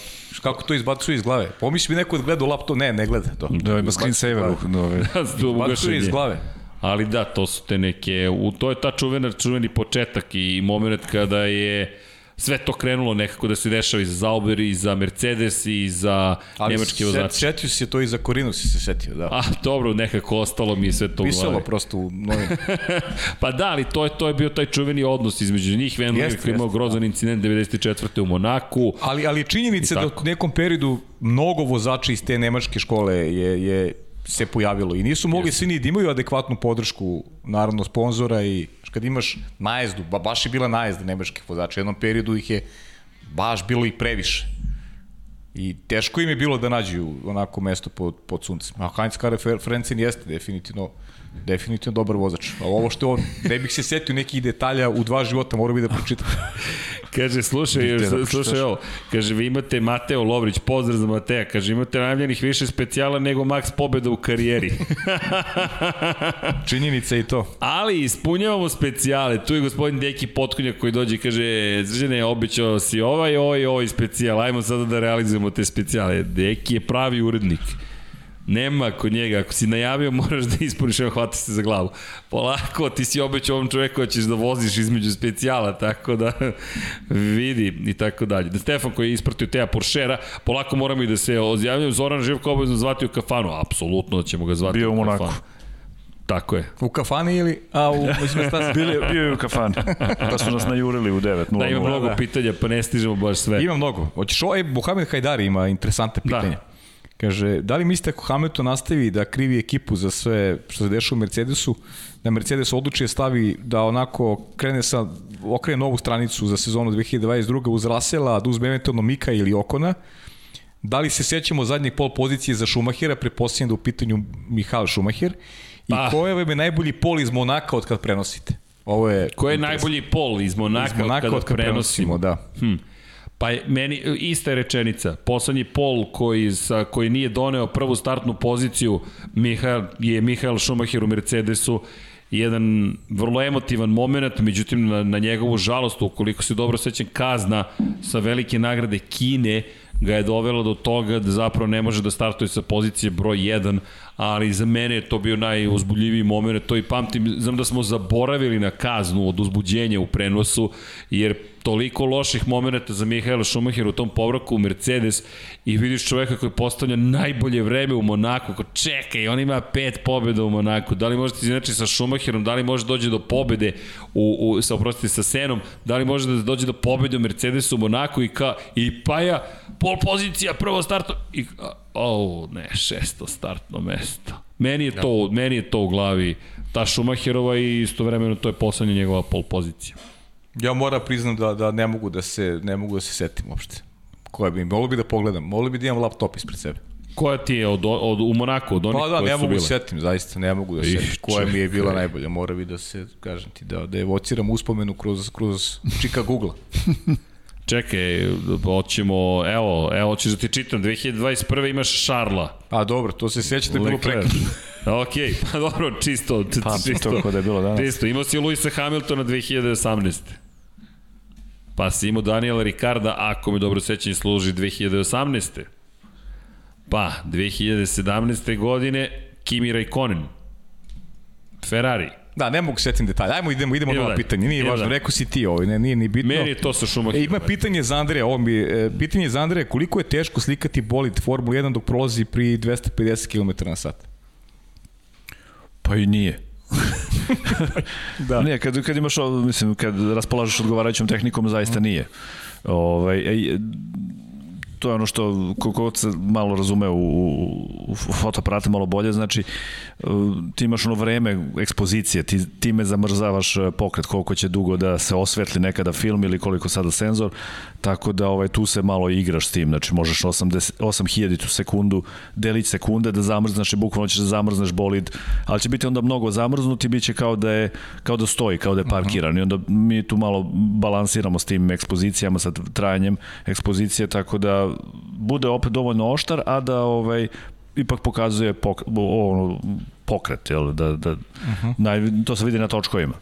Eto, nije, nije u suštini danas sa, tim, sa tom opremom nije ovaj, teško zamrznuti tu brzinu.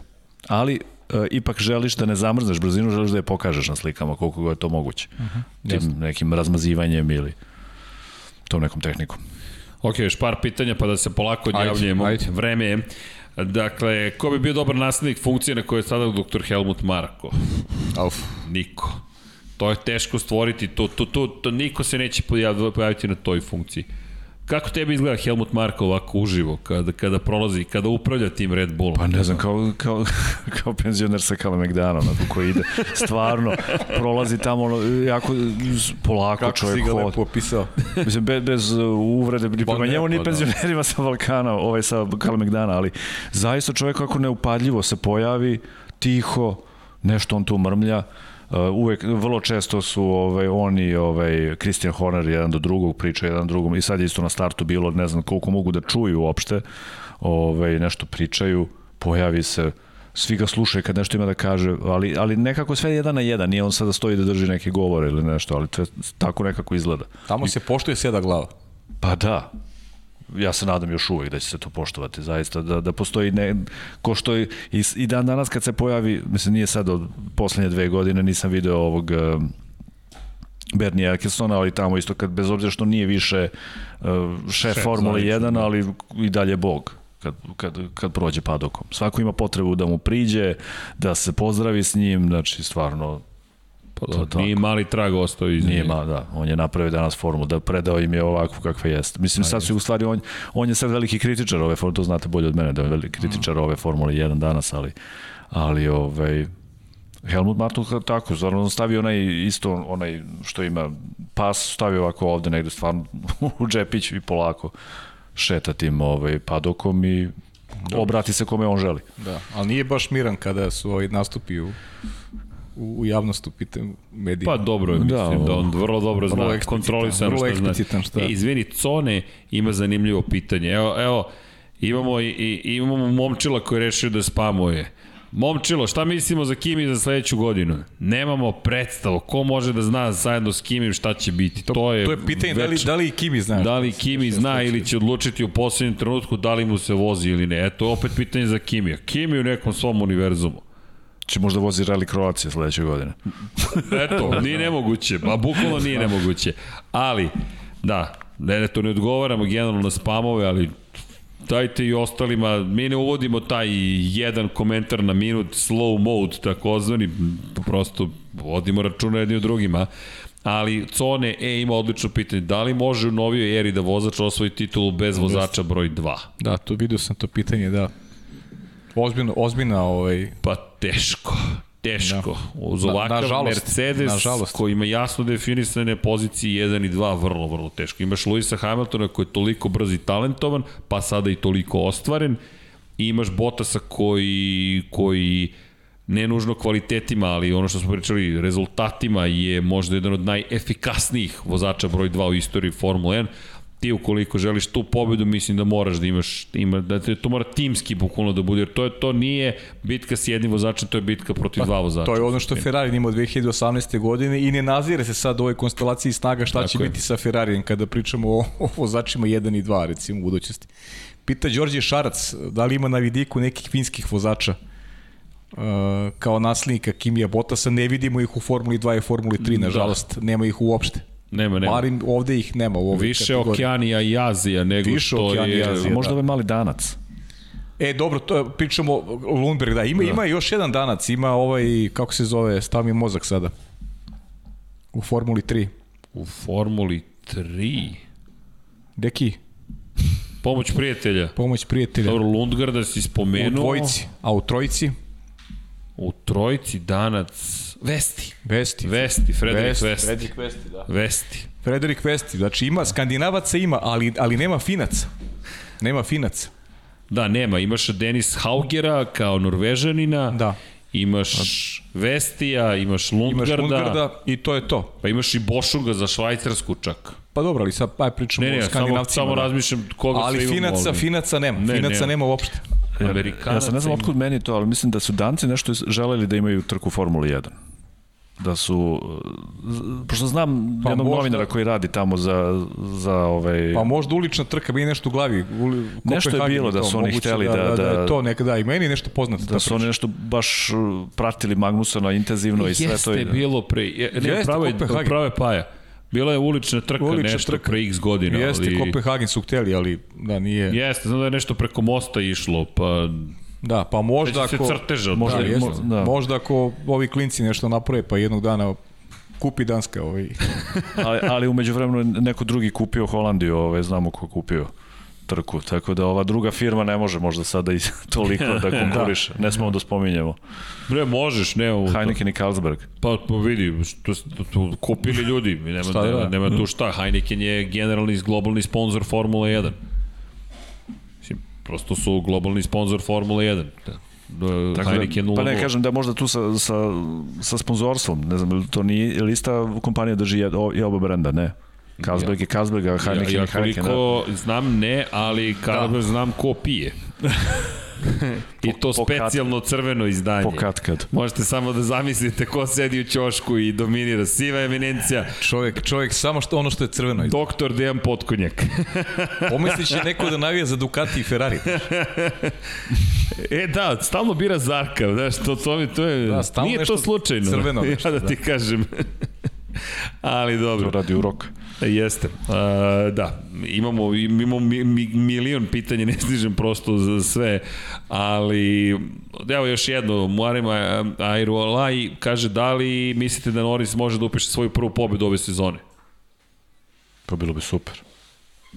U, pa nije nemoguće. Ko da li može, nisam čuo. No, Norris. A Norris, Norris, da, pa Norris. nije, naravno. No, ne, nije može, nemoguće. može. Naravno. Može Lando, ovo je sada već ozbiljno samopouzdanje i zrelost koju pokazuje McLaren kao ekipa i sve što rade, malo samo sreće ti tu treba i još par unapređenja na bolidu i ti, oni, oni će biti tu. I ono što Pa je iznenađujuće, i, i ono što je sjajno rekao jeste što je rekao za Monako da su iznenađeni da su na toj stazi bili toliko brzi. Jer nismo očekivali od, Mercedes, od McLarena nužno ove rezultate. I, I Norris mislim da je vozio preko onoga što bi trebalo da bude realan rezultat McLarena na ovoj stazi.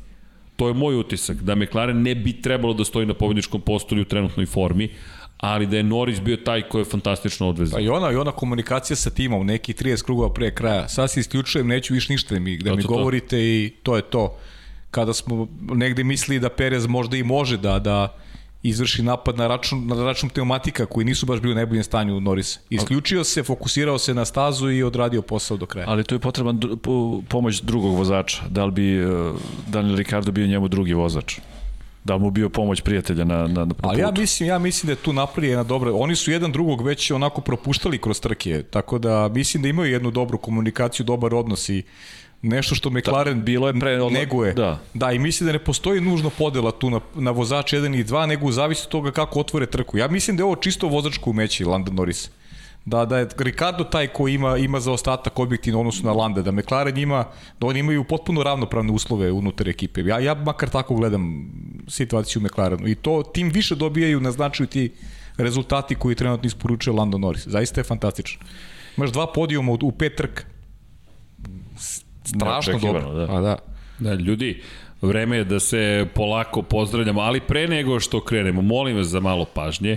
Ima par stvari koje bih voleo da napomenem. Uh, jedna je da krenemo od fantazije Formule 1, zvaničnog. Official Lab 76 fantazije, ne znam Andrej da li igraš. Trenutno na poziciji broj 1 je Bruno P. Jolo. Jolo koji je u Monaku, ljudi, 410 poena osvojio, bravo. Inače u timu je imao Verstappena, Sainca, Norisa. Čekaj, koje su šanse Verstappena i pri čemu mu je mega driver Verstappen, turbo driver Sainz, Norris je treći i onda Gaslija i Raikkonena, a ekipa je Red Bull. Svaka 410, mislim da je maksimum 430 poena. Ljudi, ovo je na, na svetskom nivou šišanje. To je, jolo, skidamo kapu. Leteći Mango ili ti Đorđe Š je na poziciji broj 2, 10 poena iza. U trci u Monaku, šta je ovo, 410 poena, šta vam je ljudi? Pazi sad njegovu kombinaciju, Mega Driver Verstappen, Norris, Sainz, Turbo Driver, Gasly, Raikkonen i Red Bull, to je ta kombinacija, okej. Bravo. Ne, ne. Mr. Larbo Lights Out, Larry T iz Kanade, 1105 poena, 416 poena u Monaku, čekaj, čekaj, čekaj. Perez, Gasly, Verstappen, Mega Driver, Norris Turbo Driver, Russell i Red Bull. Bravo ljudi, ne znam šta da kažem, ovo je bilo onako inspirativno, impresivno. I onda Igor, Miljan, Jelena, Da, Stefan pod nazivom Daj nam mečku da se igramo tim, dobro, Samir tim i Dino Dino Papa i SB Inala. Okej, ali na prvoj poziciji Bruno P. E, Gospodin Srđan Erceg je na dalekoj 400 i nekoj poziciji i tako da. Da, da, ne, 656 sam, hvala. Važno, hvala. je, važno je učestvovati. hvala, hvala. A, pazi mi ekipu. Leclerc, Perez, Sainz. Jao, Šarle, Šarle, jao Ferrari. Kažeš, imao bi ti neki, ti bi imao Imao bi neke 420, poene. 420 bi imao. Ma da, Nis- nije 470. teško. Zato što je iz Monaka, dečko. Ali eto, 656 sam od 830 takmičara. Ali u svakom slučaju, Solidno, bravo. Bruno. Smislit ćemo koja je neka nagrada, osim te emotivne, pobedničke, važno je pobediti, ne učestvovati. Nisi ti kriv, drugi su krivi, nisu ti, nisu ti se otvorile. Ferrari je kriv. Ja, Nisi, nisi ti ja kriv. da, Pod lošim uglom kreneš. Jeste da staneš. Tako je, nisi ti kriv. A ovde pada Ne ozbiljna priznajem da si ti kriv uopšte. S druge strane, molim vas, imam jedno, jednu ozbiljnu molbu, imam zaista, kako sam ja, o, ne, ovo sam, ovde neke čudne sad momenti, molim vas, imamo, op, imam jednu molbu, opet, za one koji žive u Srbiji, budi human, kao što smo rekli, Marko će da pokloni i to ćemo staviti na aukciju svoje autograme, nije mala stvar. Prvo hvala Marko i svaka čast na tome. i ono što je pojenta jeste za Luku, dakle 928 na 30-30, stavit ćemo mi to i opis videa, Ukoliko ste tu u Švajcarskoj, upiši Human 928, pošalji na 455, gde god da živite, u kojoj god državi, regiji, gde god da se nalazite, ima neko ili dete ili neki čovek, e, dama, komšija, komšinica, neko kome može da se pomogne, neko, nek, neko blizak, Dakle, učinimo najmanje što možemo, mislim da je to važno da učinimo, prosto deo smo zajednice i jedan član zajednice, eto, bukvalno hoće da skrene pažnju na nekog koga poznaje, pa eto, u svakom slučaju, koliko ste u mogućnosti, pomozite, prosto Luki je potrebno da, da ga malo podržimo, svaka čast na svemu što ste učinili već za Gavrila, baš se se ovde dosta u Srbiji ljudi aktiviralo oko Gavrila, verujem da u drugim državama oko druge dece, gde god da smo možemo toliko da učinimo. S druge strane, imam uh, naravno molbu, lajkujte video, subscribe, udarite, to je deo naravno ceo, cele priče, ukoliko vam se naravno dopada, ukoliko ne, pa šta da radimo, taj dislike, Dislike je uvek tu, ali nadamo se da ga neće biti. I još jedna bitna stvar, a to je ko voli majice žute, zelene, plave i sve ostale, infinitylighthouse.com kroz shop i možete da kupite naše majice, to će naravno uvek dobro doći, imate i kosmos majice, tako da eto, jeste da dolaze u dve boje, ali boje u Formula 1 u devet boja, Lab 76, pa eto, imate sedam veličina, devet boja i možete da podržite celu ekipu, a fenomenalno, inače videli smo na Novom Beogradu momka s crnom majicom Lab 76, ne stigo smo, ja sam video nisam stigo da, da, nađe, da stignem čoveka, rekli smo da častimo, tako da koga sretnemo u gradu, idemo na vodu svi zajedno, tako da se hidriramo, ipak su topli dani već sada u Beogradu. Opet obećava. Opet ne, obećam. To sam ja, to sam ja običao iskreno, to sam ja rekao i da, da, da vodi na piće kad vidimo majci, a, ali on vodi na vodu. I ja, ja, ja, ne pijem, ja slabo pijem vodu. Evo, vodi na vodu. Da, da. Vodi A, na, na vodu. Na reku, na reku. Na reku.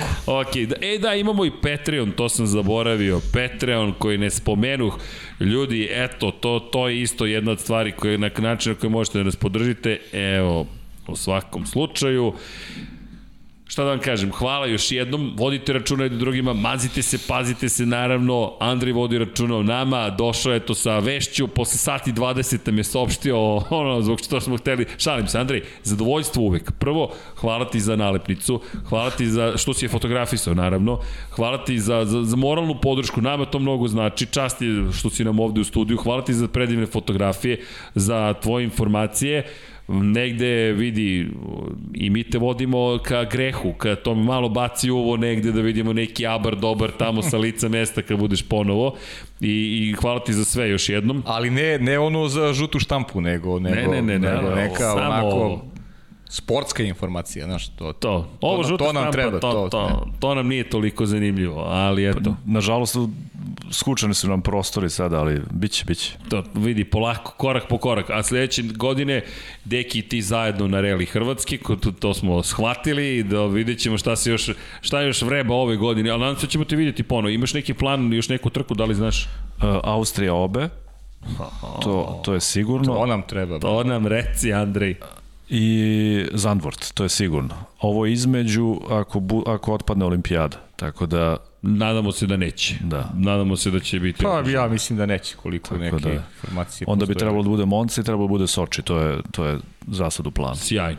Sjajno. Andrej, šta ti... Otpa, otpašće Brazil, to je sigurno ono što već sad se zna i da će vrlo izvesno Bahrein da uđe u tu i da će biti tri trke u zalivu na kraju sezone. Tri to. trke. Pa tako idu. Bahrein će biti umesto Australije, ide Saudijska Arabija, ide Abu Dhabi. A Saudijska Arabija ostaje, dakle. Za sad tako. Da, jer je bilo priče da i Saudijska Arabija pod znakom pitanja. Ali dobro. Evo nekih novih vesti, čuli ste. To je, to je isto onako u kuloarima, to nije sad. A, da. da će sve ovo što je, to Australija sigurno neće biti. Amerika, Japan? To još ne znamo. Vidjet ćemo Japan sa, sa olimpijadom kako prođu, pa Dobro. Da. Andrej, šta ti kažem? Još jednom hvala, hvala za poklone, hvala svima za podršku i za pažnju. Pa jo, Sve lagano pozdravljamo, ljudi. Lagano. Vodite račune drugima i naravno mazite se, pazite se, veliki pozdrav cijele ekipe Infinity Lighthouse-a. Odusmo mi sada da se nekim prodiskutujemo o planovima koje je pripremio i šta kaže urednik po završetku broja 101 koji je bio posvećen zastavi 101. Šalu na stranu, Ćao svima. Ćao, Ćao. ljudi. Ćao.